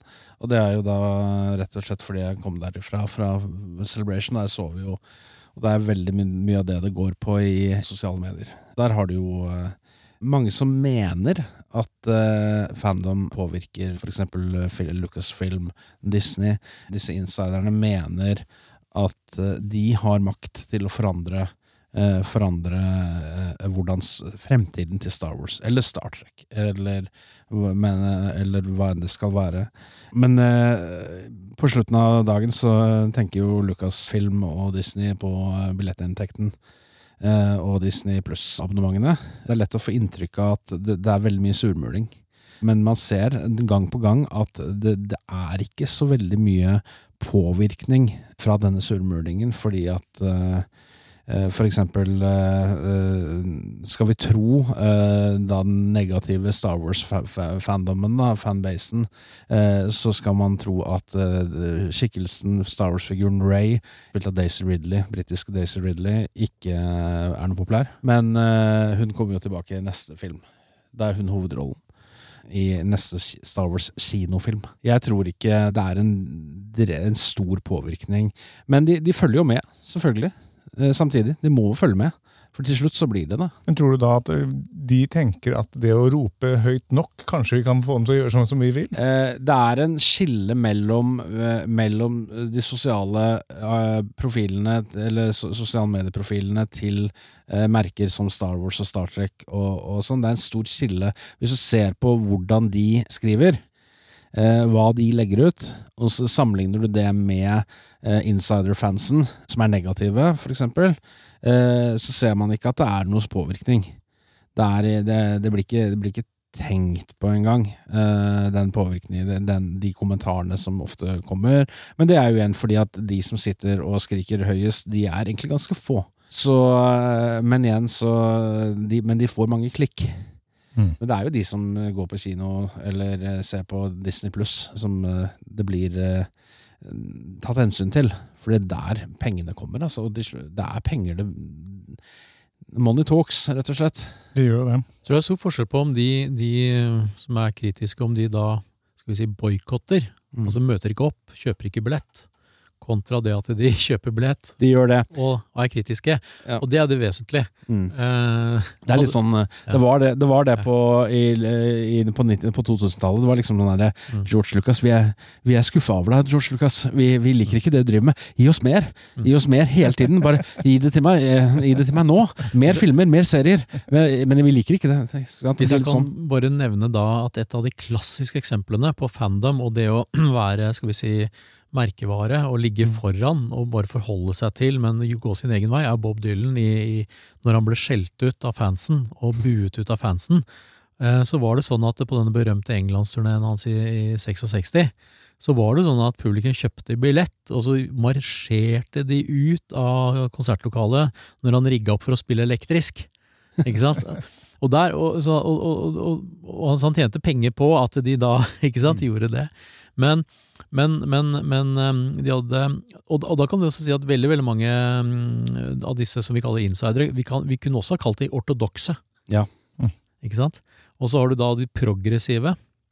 Eh, altså de ortodokse, de vil ha det som har vært, og de er opptatt av at ting skal være innenfor en veldig smal kunstnerisk boks, egentlig. Det er veldig interessant, for det det som skjer Du har tre generasjoner med Star Wars. da Du har jo de der gamle filmene som, som fra kom på 70-80-tallet. Og så har du, eh, har du eh, disse prequel-filmene som kom på eh, starten av 2000-tallet. Og så har du de sequel-filmene som kom nå, på, nå for bare noen år siden. Og det som har skjedd, var at da eh, prequel-filmene kom på starten av 2000-tallet, så var det mange insidere som hatet dem. Mm. Nå er de veldig populære. Mm. Så de menneskene som har Egentlig de menneskene som var barn, for dette Star Wars er, jo- egentlig laget for barn, for tolv år gamle gutter. De menneskene som da har, var tolv år gamle gutter, for å ta, sette, ta alt litt, generalisere litt, eh, da prequel-filmene kom ut, de nå, de har nå vokst opp med dem, vært positive til dem. Så de er nå, nå er det da eh, voksne mennesker som digger Jar Jar Binks. Mm. De finnes. Men eh, nå er det sequel-filmene, da, som er upopulære i sånn blant, fra, fra insidere, veldig mange insidere. Om ti år, da har vi et ny, nytt sett med filmer, og sequel-filmene er veldig populære. Det kan godt tenkes. Um, da tenkte jeg faktisk vi skulle sette oss ned og prøve å sammenligne to fandoms. Da kan vi jo enten da velge Star Wars Mm. eller uh, Ringenes herre. Fordi begge to har hatt mye hissige Vi kan ta, snakket nok om Star Wars, tenker jeg. Ok, så la oss ta Lord of Rings, da. Ja, Eller i dette tilfellet kanskje til og med Rings of Power. Rings of Power, ja. Og sette det opp mot hva? Apple, eller er det en annen ting dere Rings kanskje of Power mot Apple, den har jeg aldri hørt før. Nei, det, det er kanskje det er på tide. Nei, vi Hvordan kan- kan vi sammenligne disse to? Vi kan to? sammenligne litt med hva som er i ferd, altså hva som skjer nå hos Apple. Ja, ok. Mm. For uh, hvis jeg sier litt om det, så er det jo sånn at alle sant, Hva er det neste store? Mm. Hvordan, hvordan, hva kommer på en eller annen, et eller annet tidspunkt til å erstatte smarttelefonen? Hva er det som kommer til å gjøre at en iPhone ikke lenger blir så viktig som den har vært? Den er jo, står for 50% av businessen til Apple. What's the next big thing? Ikke sant? Og, og, det, og dette er sånn som da Mark Zuckerberg i Facebook eh, har eh, også tenkt, og han lager da full inn på Meta. Så, så det som da, det som da eh, nå kommer til å skje med Apple, er jo at de kommer med et sånt VR-AR-headset. Og, og visstnok så skal det være sånne skjermer, da. Altså Se for deg at du, det er sånne slalåmbriller. Har du ikke prøvd det før? Nei, de har aldri prøvd det. Og visstnok så skal da den, de slalåmbrillene ha i seg 4K-skjermer. Mm. Mhm. Så det betyr at eh, tenk deg den flotte bingingen. Du kan bare ligge i senga, og så kan du bare binge helt uavhengig av alt annet. Og de har jo allerede kommet veldig langt på spatial audio osv. osv. Men, men, det, men det jeg har sett da, som er veldig interessant, er jo dokumentarprogrammer om tiden før lanseringen av iPhone. For da var det også sånn, hva i all verden har de å gjøre i dette nye området? Hva i all verden, osv. osv. Så det er, det er noe med, det er noe med at, at eh, veldig harde fans de elsker jo at ting skal være som det er. Ja. Så vi som bruker Apple-produkter, som er så fornøyd med det i dag, vi, vi, vi ser jo med skrekk på en fremtid hvor Apple lenger ikke er liksom det ledende. Ikke sant? Vi, altså, da har jeg tenkt at na, da flytter jeg heller ut i skogen. da, da, da, da går jeg off the grid, ikke sant? Da, er det ikke noe vits i å holde på med teknologi, hvis ikke det er Apple som lager det. Ikke sant? Så da har jeg tenkt at nei, da skal jeg, bli, da skal jeg gå hippie. Da skal jeg la håret gro og få, i hvert fall få meg et langt skjegg. Og så skal jeg, skal jeg sitte der, ikke sant? Og da skal jeg bli fanatisk opptatt av noe annet. Mm. Eh, ikke sant? Så, vi er, så det er alle sånne skifter, og da kan, det kan du overføre med ny sesong av et eller annet, eller, eller ny, ny film. Det er veldig, altså det er veldig sånn urovekkende, da. For, for må, de må levere. Ikke sant? Du må virkelig som fan ha noe Åh, det er, det er en fantastisk verden som går videre. Så jeg, jeg tror de som er veldig fan av noe, de frykter at alt skal kollapse. Det er sant, det. Og da, for da liksom, da, da, da, da, da er det vesentlige sider ved tilværelsen da, som, som, som ikke lenger leverer. Du nevnte, nevnte Lord of the Rings. Eh, Det er jo en eh, Apropos kollapse. Der, eh, det ble jo I fjor så kom det jo en serie eh, som heter Rings of Power. Eh, jeg likte jo den veldig godt. Eh, og, um, men det var veldig mange, eh, igjen insidere, da vil jeg si Tolkien-insidere, vil jeg vel kanskje kalle dem, som ikke likte den serien. Og og, og dette her er jo Amazon, da. Eh, Amazon Studios som har laget da eh, tidenes dyreste eh, serie på streaming. Eh, åtte episoder hvor hver episode er mange norske filmer ikke sant, på, eh, i kostnad. Um, så, så eh, Og der har det mange eh, Det som skjedde der, var jo at det ble en del sånn toxic fandom, da Mm. negativ fandom hvor du har, har eh, angrep på og, og trakassering av skuespillere. Det, det har skjedd i Star Wars, og du har angrep på Spesielt da på mørkhudede eh, skuespillere. Eh, og eh, da kvinnelige eh, skuespillere. Det var åtte episoder. Um, det var veldig mye hat. Og og da er det veldig mange som mener at det ikke, eh, det ikke er tro til Tolkien da, eh, sine, sine bøker. Men det er, er jo ikke meningen heller. fordi at eh, dette her var jo løst basert på de siste sidene i Lord of the Rings-boken. Og så dette var, De åtte episodene er da første av fem sesonger, så det var introduksjonen basically av eh, en historie som skal være 40 episoder lang. Og mellom hver, og det er jo sånn når det er, går en sånn serie ukentlig, så er det mellom hver sånn episode, hver uke føles litt ekstra lang, fordi at man ser på sosiale medier at det er så mye snakk, det er så mye syting fra disse som, eh, som skal kommentere om alt mulig. Det blir jo sammenlignet da med Peter Jackson sine filmer, som da kom eh, for ti år siden. Det var første da det var Hobbiten-filmene som kom i 2012, da. Og så var det ti år før det igjen, da, så var det jo disse fantastiske eh, Ringenes herre-trilogien. Det jeg kan si, er at nå har Warner Bros. fått rettighetene til, som et svensk dataspillselskap, har fått rettighetene til eh, å filme, lage filmer av Ringenes herre. Uh, og det, kan, det skal de gjøre, har de sagt. Og det jeg kan love er Nye at- filmer? Nye filmer, ja. Kan, eller om de skal basere det på bøkene, eller om de skal bare basere det rundt bøkene, handlinger rundt bøkene, det, det vet jeg ikke. Men det jeg kan love, er at det vil bli toxic fandom. Det vil bli eh, raseri, eh, fordi at det er noe nytt. Og det er det jo Det er samme hvilket produkt du Er det et ikonisk produkt? Er det ikonisk merkevare? Er det Apple? Er det, er det PC? Er det noe som får en ny vri? Så blir det Er det whisky?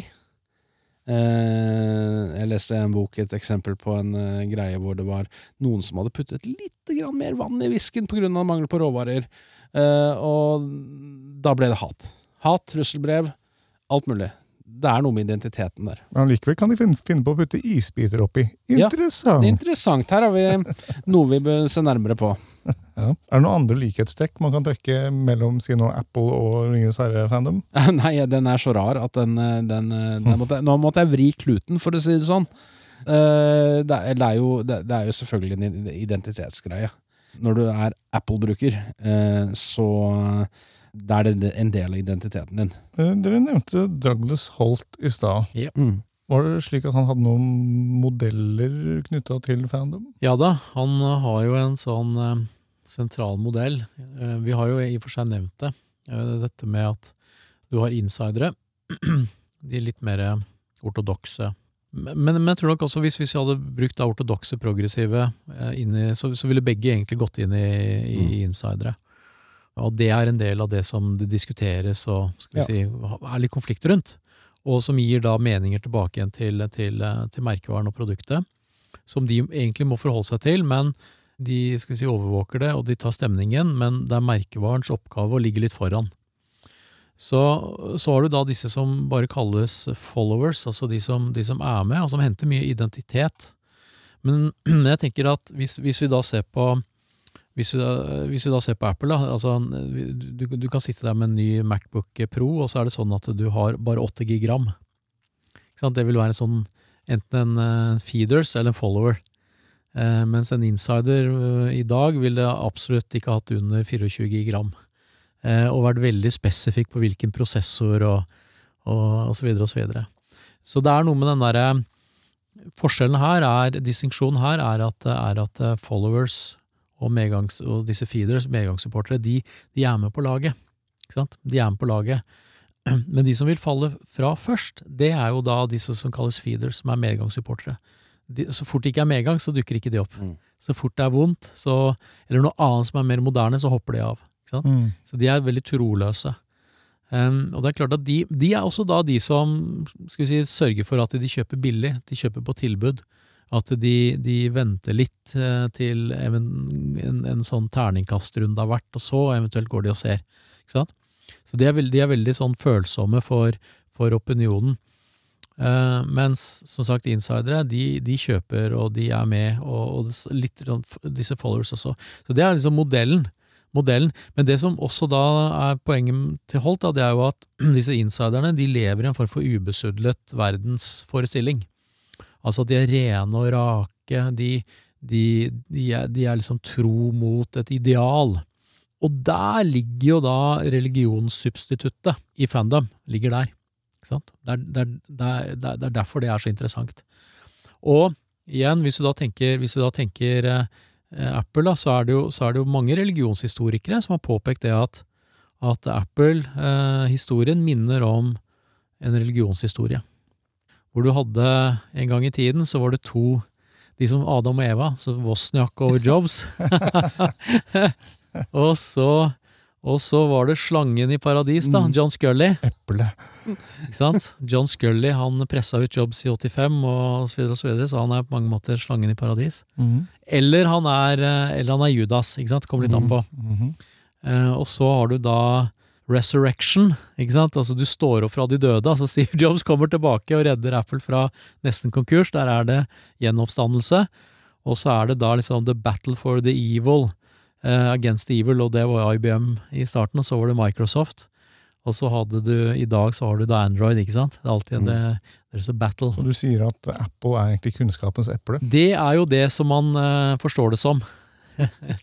Det, er, det er kunnskapens eple, og det er ikke minst da å fri seg fra, skal vi si, det dogmatiske eh, diktatet om at eh, det er noe som, som er der, og som er forbudent, ikke sant? Mm. Så med Apple så kommer du inn i det som du, eh, du bare må oppdage, men som noen prøver å, å har prøvd å, å, skal vi si, forhindre deg i å gjøre. Hedning, jeg, da. Som Et, slags digitalt Eden, om du vil. Ja, ja, ja, digitalt eden. Så det, det er jo, og, og, og det morsomme her er jo at denne, denne, det jeg nå sa, er jo et story, det er jo et, et skript, ikke sant? Mm. Og det er, jo, det er jo da hele essensen her, med hvorfor fandom og, og filmer og, og, og henger så nøye sammen. Så det betyr at hvis du er en merkevare, da, hvis du er en vanlig bedrift, og du ikke har i deg en eller annen Ja, hvem er Jesus hos deg, da? Mm. Hvem er Satan hos deg? Hva er, hva er, hva er, hva er eh, Adam og Eva-historien? ikke sant? Hvem er det i ditt firma? Hvis ikke du har det på plass, og hvem er, det som er, hvem er det du er imot, hvem er det som prøver å drepe deg, men du, ikke sant? Mm. Hvem er keiser Augustus? Ikke sant? Hvis ikke du har det, så har du egentlig ikke noe potensial heller for fandom. Mm. Mm. Interessant. Veldig interessant. Og bare tenk deg da, Erik, alle disse vanlige, trauste norske bedriftene som har lagd Facebook-sider og like oss og Mm. like oss og like oss. og det er ingen som gidder. Mm. Men de som er blodfan, eller er spesielt opptatt av bedriften, de får mange likes. Vi har noen på, på Facebook-siden vår som er, eh, Mm. som er sånne der superentusiaster. Mm. Eh, som eh, som eh, kommenterer alt, vi, eh, alt jeg legger ut på Facebook-siden, og det er ganske morsomt. Mm. Nei, så det er, det er enorme eh, viktige overføringsverdier fra, fra det universet, fandom-universet, som Mm. da vi har vært innom så mange temaer, over til vanlig businessverden.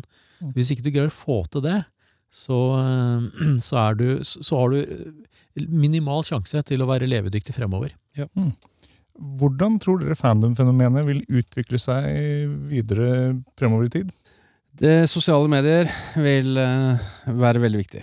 Som eh, Det vil fortsette å eh, være identitetsdrivere. Der altså du bare bygger Jo mer du bruker sosiale medier, jo mer klarer du å bygge opp den der myten din rundt eh, myten rundt merkevare, da. Eh, så jo, Og jo mer sosiale medier, pla, eh, mye nye plattformer blir utviklet, eh, jo mer tror jeg, eh, tror jeg Altså jo lettere vil det være å lage, skape disse mytene, og dermed skape fandommer. Så, så vil det jo alltid være en sånn der konflikt, da. Sånn der, Det vil bli masse små konflikter, sannsynligvis. Mhm. Eh, altså fan, Som vi har vært inne på, så fandom kan jo oppstå rundt alt mulig. Uh, du har jo uh, for eksempel en veldig viktig fandom i, i da popkultur, er jo da for eksempel bronies. Mm. Altså voksne menn og kvinner, er det vel? Også, nei, det bro, bronies. Ja. Det som kle- forkler seg som samler på og forkler seg som My Little Ponies. Og det er jo en stor identitetsgreie. Ehm, det var jo en artikkel nå med en, eh, en eh, Eller for noen uker siden eller måneder siden eller noe sånt, eh, om en som en norsk uh, furry eh, uh, entusiast som kler seg ut som en rev. Mhm. Til vanlig, til daglig. Og um, det var vel Aftenposten, der bladet, er magasinet eller noe sånt, noe som Aftenposten tror jeg har. -huh. Og da var det en artikkel om han. Eh, og dette her er jo sånn som eh, eller i andre omstendigheter ikke ville på grunn av, Hvis det hadde ikke vært for sosiale medier, hadde ikke vært for, eh, for, for disse forskjellige plattformene, så hadde ikke dette her kommet til syne. Mm. Så det er det jeg tenker. Hvis du ser på norske artister, Mm. Aurora, Ja. og hun har jo en enorm følgebase. Mm. Og hun har jo noen sånne trekk ved seg da, som virker litt sånn mystisk, litt sånn urjente. altså det er noe sånn det er noe, det er noe udefinerbart der. Mm. som gjør at, eh, at Altså bidrar til at hun har en, en veldig sterk fanbase. Um, norrøna.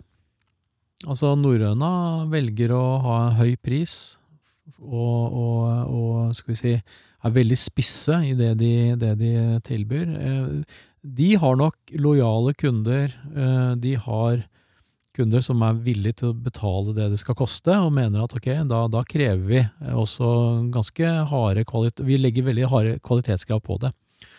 Og, og, og, det er grunnlaget for en sånn fandom også. For jeg tenker at det er veldig naturlig at du da ja ja, da tar du det på ordet, så, så stresstester du og filmer og kommenterer og holder på.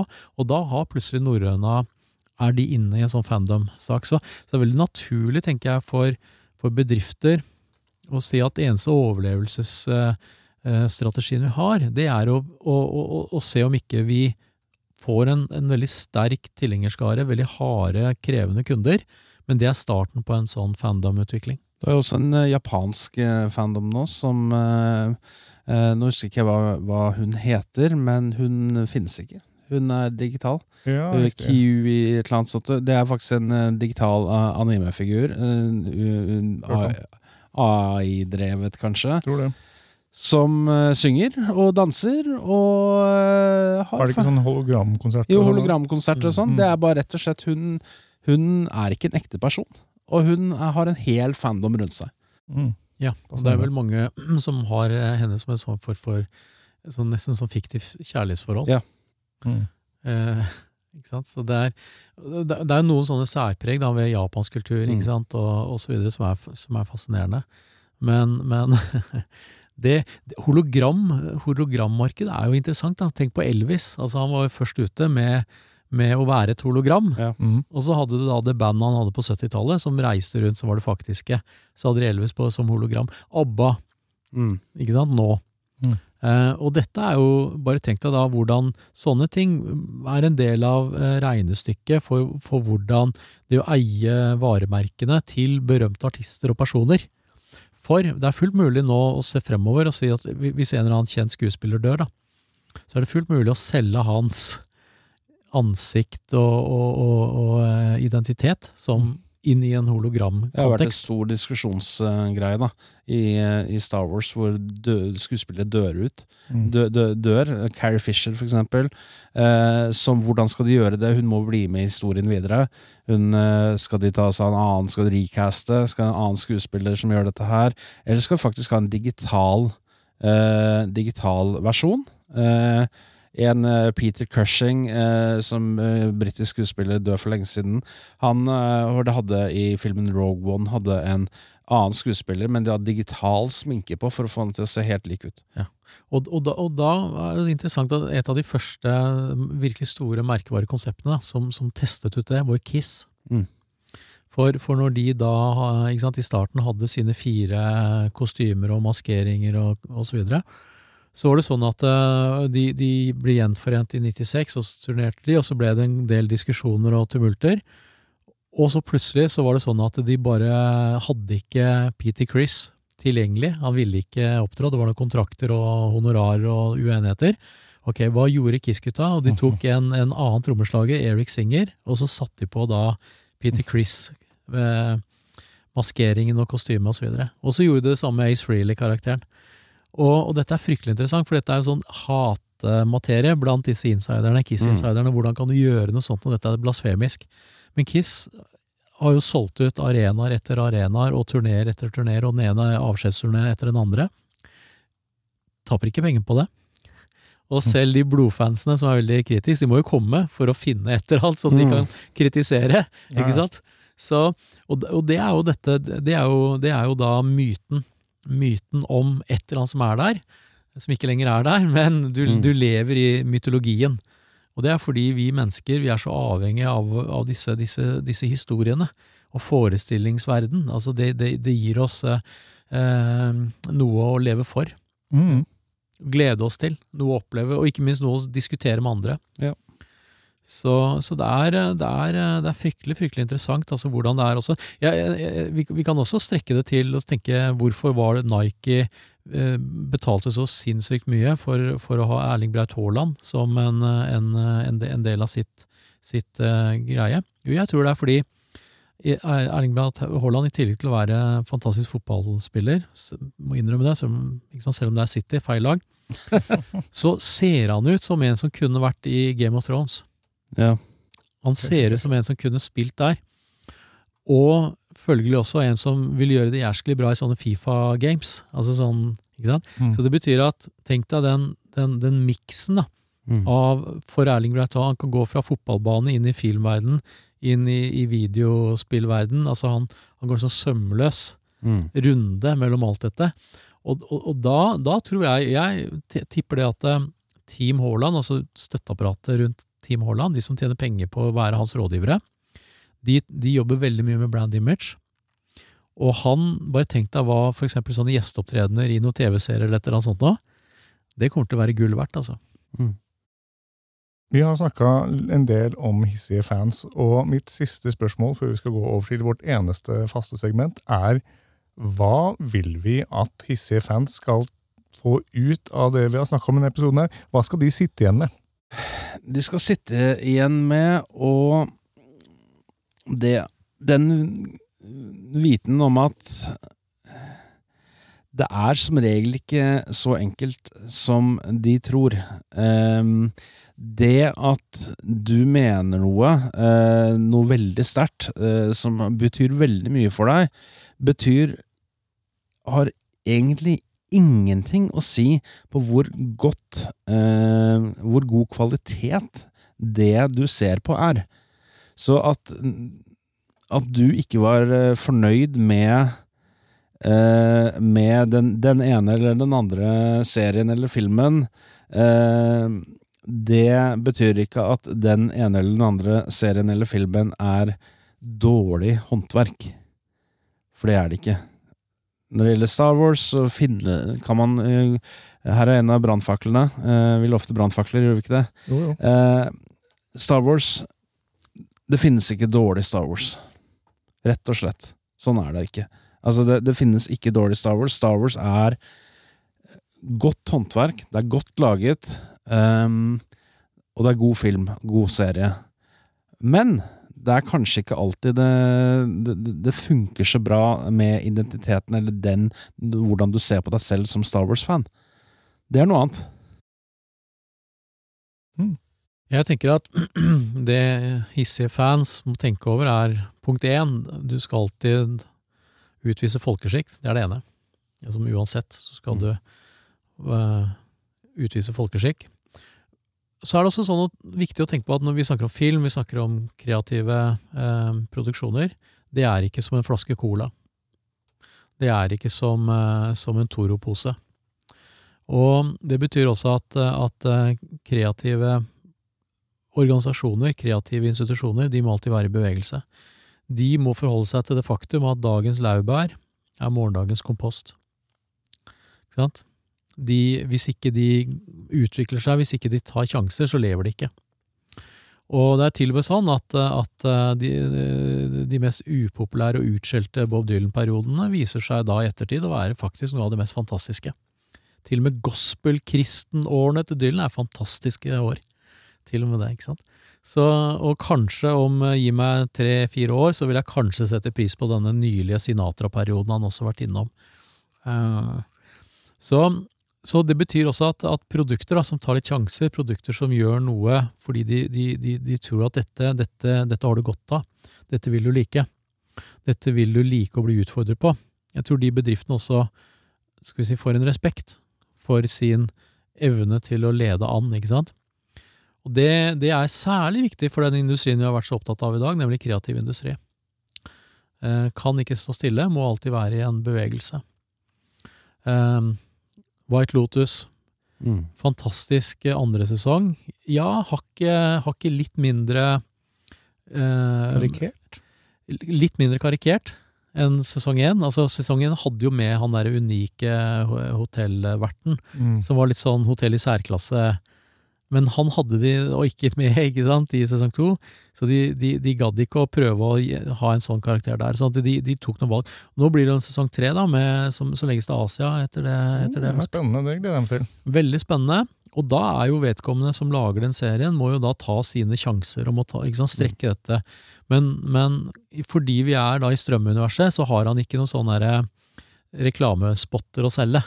Så han, og og det, dette, dette er veldig, veldig vesentlig. Så nei, du må Og, og hissige fans må tenke at eh, det du, det du har vært glad i det- Du kan gå tilbake og se dette på nytt igjen, høre det på nytt igjen. Men du må eh, akseptere at, at man skal vi si, er i bevegelse og prøver noe nytt, og det Gi det litt grann i tid. Mm. Eh, for all del, skriv en mail og klag. eh, men ikke, ikke, det er ikke noe vits å brenne byen. Nei, Det er liksom ikke kast Molotov cocktails, liksom. Men jeg tenker vi avrunder med å ta en runde på om dere har sett noen eh, gode filmer eller serier i det siste. Kan kanskje begynne med deg, Dag Inge? Ja, ehm, det er klart at jeg har jo også fulgt eh, nøye med på Succession, da. Jeg, det. jeg syns jo de er veldig, veldig gode, og så leser jeg samtidig veldig mye da i f.eks. Financial Times om Murdoch-imperiet. Og Financial Times er jo, er jo veldig opptatt av og, å, å skal vi si, koble det som skjer i, i, i serien med virkeligheten. Uh, og det er til og med skrevet en artikkel, um, jeg tror det var også i, i FT, da, om hvem i all verden er det som gir plott-ideer til Succession Mm. fra inne i Murdoch-imperiet. Det er ganske interessant. Og dessuten så er det kommet fram uh, da at Jerry Hall, som var gift med Robert Murdoch Jerry Hall var gamledama til Mick Jagger, gift med Mick Jagger en periode osv. Hun har da i, i skilsmisseavtalen med Murdoch eh, en eh, formulering om at hun ikke på noen som helst måte skal bidra til innhold til Succession. Nå, ja, såpass, ja. Så det er ganske heftig. Så de er, eh, det er veldig, veldig morsomt. Veldig morsomt. Så, så jeg er veldig opptatt av den. Og så var jeg veldig fan av Industry. Det er to, to sesonger. Eh, gitt meg mye å tenke på. Jeg har hatt voldsom flotte opplevelser med Westworld-TV-serien. Jeg har sett Ja. to ganger. Sesong én og to, ikke treeren, den hoppa jeg av. Den, men mer enn fornøyd. Og så kjøpte jeg filmen. Westworld fra 70-tallet med Ja, ja. Brydner. Det er veldig interessant. Veldig interessant. Så jeg har, mye ut av Jeg har jo sett eh, alle, alle Ja. Westworld uh, opp til fire. Er det ikke fire? Det er fire, og så ble Den femte sesong kansellert. kansellert. Ja. Mm. Men jeg syns de to første var sesong, sesongene var nydelige. Veldig, veldig gode. Så, ja, så, så White Lotus har gjort et sterkt inntrykk. Eh, Jeg har også vært gjennom nå Better Call Saul. Det tok lang tid før jeg begynte Mm. på den. Mm. Men jeg skulle en tur til Arizona, mm, og da tenkte jeg at jeg må se den. Jeg liksom skal over i de traktene. Og det er klart at nå skal jeg da se Breaking Bad på nytt, bare Ja. fordi, bare fordi jeg har sett denne forrige. Og, og du verden så, så godt håndverk Better Call Saul er. Absolutt. For noen karakterer som, som utvikles. Han som uh, Giancarlo Esposito, han, Ja. som han eh, skuespilleren, han har bursdag i dag. Jeg, uh -huh, jeg, jeg, men det får jo de som hører høre på nå. Han hadde bursdag for en uke siden. Ja. Jeg må skyte inn det at jeg hadde en merkelig opplevelse på bussen her eh, forleden dag siden. Eh, Plutselig så ser jeg masse ukjente ungdommer som stirrer på meg og, og smiler. Det blir sånn Har jeg noe på ansiktet? Hva er det som skjer? Idet de går av bussen, så er det en av dem som kommer bort til vinduet jeg sitter ved, tar opp mobilen sin og viser meg et bilde, og så er det et bilde av Walter White. Så de mente da tydeligvis at jeg ligner på Walter White. Ja. Og det kan jeg leve med. Jeg er helt greit å se litt ut som Brian Cranston. Forhåpentligvis en yngre utgave. Men uh, Eirik? Eh, jeg har også fått eh, vite det, men da på Twitter eh, i det siste. Jeg er for, jeg er for Billy Butcher, da. Det fikk jeg nå nylig vite på noen som kommenterte på Twitter. Fra Hva var det fra? The, The Boys. Men eh, ja, jeg har sett Citadel. Um, den jo, er, er jo på prime video nå når denne episoden her er på lufta. Uh, Citadel er en eh, spionserie. Eh, den er eh, Altså de tre første episodene av en seksepisoders uh, sesong. Eh, det er en, et sammensurium av eh, Altså Anmeldelsen ligger på, på nettsiden vår. Eh, det, er en, eh, det er et sammensurium av eh, Jeg vil si James Spion-greier. James Bond, Born-trilogien. det er eh, det er eh, Hva mer er det? James, det er Mission Impossible, selvfølgelig. Eh, det er eh, litt Inspector Gadget inni der. Eh, og ville, det var nesten så jeg så, så Austin Powers kom dansen inn. Altså, det er Det, det handler om en en spionorganisasjon, verdensomspennende spionorganisasjon, som, som faller da for åtte år siden. Og så er det to spioner, eh, en mann og dame, Richard Madden og hun jeg ikke husker navnet på. Eh, Richard Madden fra Game of Thrones, eh, kongen av nord. De, eh, de er de gjenlevende, og de har mistet hukommelsen sin. Og så kommer Stanley Tookie eh, og eh, sier eh, nå har skurkeorganisasjonen Manticore kommet tilbake igjen. Altså Manticore, eh, det, det er et gresk eh, mytisk beist, selvfølgelig. Hydra, ikke sant? Nettopp. nettopp. Ja. Eh, Manticore de har en koffert med noe skummelt i. Det er uh, sikkert atombomber eller uh, supervirus eller noe sånt. Og de skal ødelegge verden, eller holde verden som gissel. Eller et skript for en ny Star Wars-film. Ja, kanskje det er det.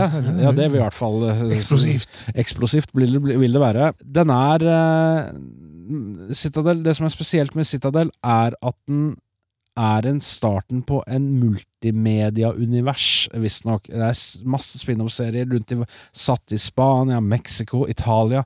eh, på de språkene. Så det kan bli spennende. Jeg må skynde meg å legge til fjorårets store opplevelse. Ja. Og, og det dreier seg jo om, skal vi si, en form for forståelse av hvordan er det genier jobber. Hvordan er det genier har dagen, dagene sine. Mhm. Ikke sant? Det fikk vi jo et innblikk i, da, med Beatles Get Back.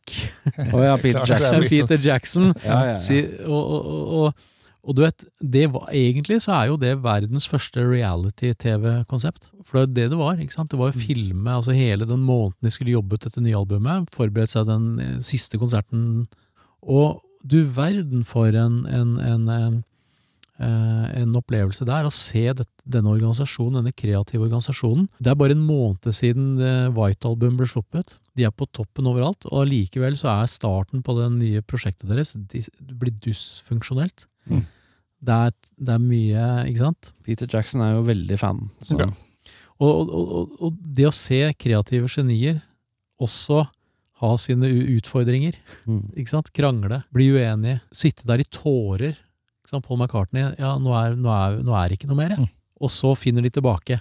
Mm. Ikke sant? Og så, det er helt sinnssykt. Og ikke minst da hvordan for eksempel Paul McCartney sitter og kjeder seg fordi John Lennon nok en gang er så sein. Så sitter han bare og dundrer i bassen, og så bang, der og da, så kommer riffet til Get Back. Ikke sant? Og så eh, begynner de å kommentere og så videre. Så, så, så eh, TV-serieinnhold som gir deg sånne opplevelser som er sånn, du verden, dette, dette, dette, dette hadde du ikke kunnet lest deg til. Ikke sant? Det er det som er det helt unike med TV og, og, og film eh, som formidling. Da. Dette, det, det, det her hadde vært umulig å forstå hvis ikke du hadde sett det. Mm. Du kan lese enormt mange bøker om kreativitet. Du kan lese enormt mange bøker om, om hvis jeg- hvordan livet var i, i eh, li, om hvordan livet er i et totalitært samfunn. Mm. Men ser du Handmaid's Tale, så skjønner du det. Det er veldig bra det du sier, selv om jeg har ikke tenkt å gå for mye inn på det. Jeg har nylig sett Silo. Jeg vet, eh, Eirik har nevnt den flere ganger, så jeg får, være liksom, jeg, får bare si at jeg akkurat har anmeldt den, og anmeldelsen ligger ute. Det var en fantastisk orwelliansk, utrolig fet sci-fi-serie som jeg ikke skal snakke om i dag. Nei. Fordi Eirik har gjort det, men altså, jeg skulle gjerne sagt så mye om Silo. Silo er på Apple TV Plus. Ikke sant? Det er den. Den kommer på 5. mai. Den kommer 5. mai. Ja. Veldig bra. veldig Burde sees av mange. Veldig gode skuespillprestasjoner. Veldig spennende. Men det er ikke den jeg skal snakke om. Jeg skal derimot snakke om Dead Ringers, som også er en veldig god Ja. serie. Den er på Amazon Prime, og Ja. det er en wow! For en forrykende magisk skuespillerprestasjon av Rachel Weisz den serien er. Mm. Det er en serie som handler om to briljante tvillinger som begge jobber med obstetrikk og gynekologi, og har sett seg lei etter mange år på jobb på sykehus for alle problemer som er knytta til fødsel, fertilitet og kvinnehelse. Så de vil revolusjonere den, starte sitt eget fødselssenter og forandre hvordan kvinner behandles under graviditet. Og de prøver da å finne noen til å finansiere det, eh, og det gjør de etter hvert. Men de har et merkelig dysfunksjonelt, overdreven avhengighet av hverandre. Den ene er liksom på en måte eh, stille, rolig, og avmålt, mens den andre har en vill side og lever ut sine villeste fantasier. De, Rachel Weiss spiller begge to. hun spiller begge to, og det er veldig imponerende. Massiv imponerende skuespillprestasjon. Men det begynner jo gradvis å gå galt etter hvert. Mm. Og det er, det er mye blod i serien. Det er mye grafiske scener av fødsel. Det er jo en slags thriller-dramaserie, fordi det er et eller annet med det forholdet med disse søsknene, og hvordan ene søsteren begynner å reagere idet søsteren får seg et forhold. Og det bare går fryktelig galt etter hvert. Og det er, det er sinnssykt veldig kul, merkelig serie på bare seks episoder. Kan anbefales. Seriekonseptet er interessant i seg selv og utforsker en del ting jeg ikke har sett så mye i, i serier fra før. Men om man skal se den for noe, så er det iallfall bare å se hvor utrolig imponerende Rachel Wise Mm. eh, presterer. Du, du hadde noe mer å Nei, altså jeg, jeg tenkte for eksempel eh, eh, dette med å forstå vår tid og hva som egentlig har foregått, så, så er det jo sånn at, eh, at eh, det debatteres jo hele tiden. Da er det George Orwell mm. eller er det Aldous Huxley? Og, og eh, vi skal virkelig forstå liksom vår tid nå, så er det jo veldig mye Brave New World, altså. Det er Mm. eh, Huxley som, eh, som, eh, som, skal vi si, sier at så lenge folk får nok Zuma, så? Ja. lykkepiller, Mm. eller likes, da, Mm, ja, ja. ikke sant? følgere. Merket, merket i starten av da jeg begynte med dette her. Ja. Det var veldig hyggelig. Det var veldig sånn der, Da jeg begynte å få masse likes og Mm. masse, masse følgere og, og, og sånn på sosiale medier. Det, jeg, det, merket jeg ble litt løftet av det. da Mm. Det jeg tenker, jeg har lest både 1984, altså jeg er utdannet illustratør, så jeg har også lagd noen sånn cover og Ja. illustrasjoner til 1984. Ja. Jeg har også lest Huxley. Ja. Jeg vil si at egentlig sånn vi lever i dag, er en kombinasjon av Huxley og Orwell. Ja. I noen land selvfølgelig mer eh, av Orwell enn enn en andre, men Ja. jeg tror en slags subtil kombo av de to. Det er helt riktig. det er helt riktig, Og, og, og, igjen, dette eh, Financial Times de, de har skrevet veldig interessant om det. Altså, hvem er det som hvem, Hvilken tid er det vi lever i? Orwells eller Huxleys tid? Mm. Eh, Black Mirror Ja, fantastisk Ah, serie. fantastisk. Elsker Black Mirror. Ja. Det, er, det er en kul serie. og denne, denne episoden hvor hun da ikke får nok eh, likes. Ja, Det er min yndlingsepisode. Ja. Nosedive heter den. Den er utmerket. Ja. Jeg elsker Black Mirror. Kjempekul. Så, så det betyr jo det at det, det vi nå har konkludert med, da, det er jo at um, så lenge kidsa ser de seriene vi nå har snakket om, Ja. så er det ikke noe gærent med at kidsa ser mye TV. så lenge de holder seg til det vi nå har snakket om. Riktig, Ikke sant? riktig. Men ta F på det, altså de skal sikkert se noe helt annet. Ja, ja. Bare for vi har anbefalt de tingene. Klart det. Da tenker jeg vi avrunder der. Ja. Tusen takk for at eh, dere har hørt på oss. Og takk for, ta, takk for dere, holdt jeg på å si. Takk for i dag. Ha det bra. Følg oss på Facebook under navnet Filmmagasinet, på Instagram under navnet filmmagasinet.no, på Twitter med at Filmmagasinet, og nå, helt nytt, på TikTok med at Filmmagasinet. Med oss i studio har vi Lilla Lyd, som styrer lyd og teknikk. Introvinetten er laget av Francesco Hygen Pudo. Tusen takk til Bauer Media for godt samarbeid og utlån av studio. Ansvarlig redaktør for Filmmagasinet er Eirik Bull, og mitt navn er Tor Aaberg.